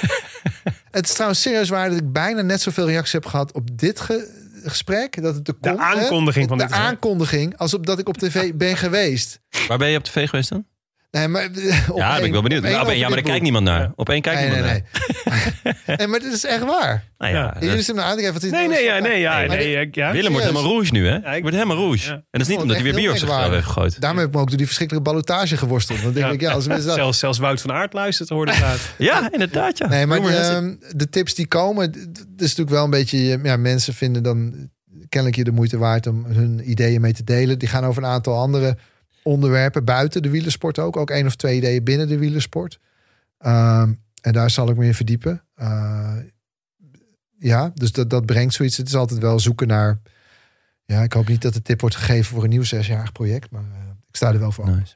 Ik ben eh, nog... Ik, Ja? ik vond een eh, geweldig boek. Ik ook. Ik heb het met echt heel veel plezier gelezen. En jij bent zelf, eh, denk ik, heel bescheiden in wat je het. eh, in, eh, of dat het de definitieve geschiedschrijving is, dat zal het misschien nooit zijn. Maar ik, eh, ik, eh, eh, ik vond dat het er in ieder geval dichtbij zat. Ja, jij hebt Dus, mij... eh, het is een grondig boekie. Het is een, het is een grondig boekje, ja. Ja. Maar het is ook lezenswaardig. Dus eh, Zeker. een ideaal eh, cadeau voor onder de kerstboom, zou ik Ja. Zeggen. zijn nou? Zeker. ik, heb, ik heb nog, een, ik heb nog Ja. één laatste vraag. Ehm, je eh, begon namelijk met, een, met de opening is, is, is heel erg die, die pakte mij omdat het, je het gevoel heel duidelijk weergaf van hoe, hoe je als fan naar Rabobank keek als kleine jongen van oh ja dit dat was de shit. Ben je eh, na deze vijf zes jaar eh, dat je dat boek hebt geschreven ben je meer of minder fan geworden van Rabo? Nou, minder. Ehm, Ja, En dat vind ik ook vervelend. dat is wel jammer. Dat. eh, kijk, wat ik eigenlijk ook met dit gesprek en nu de maanden voorbij zijn dat het boek uit is. Die Giro van 2009, maar ook andere momenten. Hè. We hebben eh, 96, Bogert is de eerste etappe wint in uh, Aix-les-Bains. De momenten die ik zelf heb gezien langs de kant van de weg. Waar ik negatiever naar ben gaan kijken door de jaren heen. Die probeer ik nou wel weer te houden zoals ik ze toen voelde. Mhm. Klinkt bijna als therapie. Maar het is ook wel de kunst om gewoon om van dingen te genieten. Hè? En als je moet analyseren, dan, dan zie je alles. En dan, ja, ik werd negatief van dit project na een tijd. Ja. Ja, wat, wat hebben we elkaar allemaal voor de gek lopen houden en zo. Alleen wat nu wel terugkomt, eh, dat komt ook door deze meerdaagse sessie met jullie, is dat ik, nou, de, wel die plezier, ik zie ook aan jullie gewoon de, de energie die je eruit haalt, of de lol die je had destijds, maar die je nu hebt om erover te Ja. praten. Ja. Nou, ik hou al nu een boel mooie herinneringen over aan dit project. Ehm, en de negativiteit die ik had, die heeft ook te maken met je rol als, ja, als, als journalist of iemand die het moet analyseren en die door alles heen moet. En, en, door laat alle, het- en nog even één, zeg maar, filosofisch laagje dieper. Ook, het is ook gewoon de ontluistering van volwassen worden, toch? Ja, zeker wel. Ja, ben met je eens. Dat zit hier natuurlijk ook erg in. Ja, kijk, dat, Eh. dat heb ik nooit gehad. Dat is Dat is dan natuurlijk- weer, dat is- is- dat is dan weer Nee, maar- voordeel. Ik kan nu, nou, en ook natuurlijk al die mensen die, dat vind ik ook wel van, die zoveel waardevolle herinneringen hebben opgedaan aan dit project. Daar heb ik natuurlijk ook veel van teruggekregen. En ja, nu kijk ik gewoon naar veel momenten met plezier. Ja. En dan ga ik als ik zo meteen thuis kom de, de, de Giro van 2009 nog een keer kijken. Ja, dat Die vind ik, zetten we zo gewoon hier op in de studio. Ja, dat vind ik idee. Ik ga, ik ga meedoen. Ik ga ook Ja, die Giro ik van, ook. eh, van Dus ik 2000. sluit wel af met een goed gevoel. Gelukkig, Ja. gelukkig. Mooi. Nou, lieve mensen. eh 2 uur 19 minuten. U luistert naar de Roland Taarn, de podcast voor wielerkijkers. En twee dagen trouwens. Veel plezier met het eh, monteren. van- Er gaat niks uit, behalve toen ik, dat voorgesprek. behalve toen ik even naar het toilet moest. Eh, gepresenteerd door uw favoriete collega bankzitters Willem Dudok en mijzelf, Jonne Seriese. Veel dank aan onze sponsoren Duracell. Dat zullen mensen nodig hebben bij De Rabobank. luisteren. Oh nee, De Rabobank. Nee, ABN sponsorde deze. serieus. Nee, natuurlijk. Nice. Fiets van de Show Canyon en natuurlijk Auto.nl voor de kartje Lara. Ik zag hem laatst gewoon bij mij in de buurt, in het wild. En Tim zei niet eens wat hij bij mij in de buurt deed. Wat is de, Opvallend, ik heb Die, wat, ik heb de auto gezien en je noemde het Carcelara. Wat De is kartje Lara. Ja, het is gewoon een auto gesponsord auto. door Auto.nl waar heel groot een rode lantaarnlogo op staat. Ja, en het is een verwijzing natuurlijk naar Cancellara. Die ook eh, met een... ook eh, een grote motor had? die had ook veel een grote motor, ja. En last but not least, Maarten Koolsloot. Eh, Maarten, veel dank. Eh, what's next? Ja, Kunnen we wel iets zeggen over het volgende project? Waar ben je nu mee bezig? Ja. Daar kan ik niks over zeggen. Nee, ik werk, eh, ik werk voor de Gooien Heemlanden. Dus mijn volgende project is een... eh, eh, ja, je kan nooit zeggen in de podcast morgen, want iedereen luistert. het. Ja. Maar het project waar ik nu aan werk, als je het luistert, is het er waarschijnlijk al. is een onthullend verhaal over de ruzie op de radio tussen de NPO en de omroepen. Oké. Vind ik toevallig ook geinig. Eh, Hollywood. Hollywood vind ik interessant. Verdiep ik me in. Eh, Mallorca, de fatale vechtpartij. Oh ja. Daar komt Super. meer nieuws over. Ja, jullie willen sportverhalen van me horen, maar voorlopig zitten die niet in de pijplijn. Ah, Ja, het is niet anders. maar True crime is ook altijd lekker. Maar- Crime. Ik denk niet dat ik ooit stop met het schrijven van sportboeken. Gelukkig maar. Goed om te weten. En natuurlijk, eh, even leuk voor de luisteraars om nog te weten, mijn voet slaapt inmiddels. En natuurlijk eh, onze vrienden van de show willen we ook nog bedanken. Onze nieuwe vrienden. Beer Ravenhorst, Gilberry, Hidde Krot, Bastiaan Schoel, Poekie, Christian Funke, Erik Dol en eh, Mark Hendricks. Ja, en ook onze verlengende vrienden van de show. Ja, want zover zijn we inmiddels. doen hè? mensen inmiddels Ja, ook. Ja, ja. Bart van den Berg, eh Glenn Kilian, Rinke van Hoek, Hugo Schalkwijk, Jeff, Rick de Jong, Marien van Grondellen, Paul Dobbe, crimineel Lennart F. Ah, Misschien leuk voor een... eh, voor- En dus zeggen dat mijn bronlijst lang is. Ja. Wat is dit nou? Ja, en, ja. eh, en Walter Speel. Wil je aansluiten bij het rode leger van inmiddels meer dan 1200 vrienden, inclusief de verlengende? Kijk dan even op de rolandtaarnpodcast.nl en trek de poeplap. De Roland Taarn wordt verder mede mogelijk gemaakt door Dag en Nacht Media en Hetskoers.nl. Met veel dank aan onze redactie Bastiaan Gejaar, Maarten Visser, Leon Geuyen en als mede notaris Bas van Eyck. Tevens gediplomeerd brandweerman te Made. En Made is natuurlijk het worstenbroodjes en postduiver Mekka van Nederland. Willem, er, Ja. was, eh, er was iets hè met de postduiver. Er was gewoon. Nou, ja, je, en hoe? het grootste nieuws in Postduiveland was tot dusver natuurlijk dat eh, in Maden een, eh, tonnen. een, een kraak was gepleegd en er eh, postduiven waren ontvreemd. Ja, maar echt voor tonnen. Anderhalve ton was de inschatting dat de schade zeker. was. Ehm, en afgelopen, wat was het? Een, denk ik een Week? paar weken geleden, Ja. twee weken geleden, eh, was het raak in Steggerda. Het, Ja. is, het is hommeles in Postduivenland. Postduivenbezitters zijn hun, eh, hun, Ja. eh, hun, hun, hun goed niet meer zeker. Nee. De broers Homma uit het Friese Steggerda werden beroofd van hun beste en meest waardevolle postduif, Luna. Ja. Ehm, en ja, dat, dat was heftig. Hij werd de Messi van het postduiven de genoemd. Messi, de Messi van het postduiven, in het, van het En, postduivenlandschap. zij, zij, en die twee jongens, de Guardiola, hè?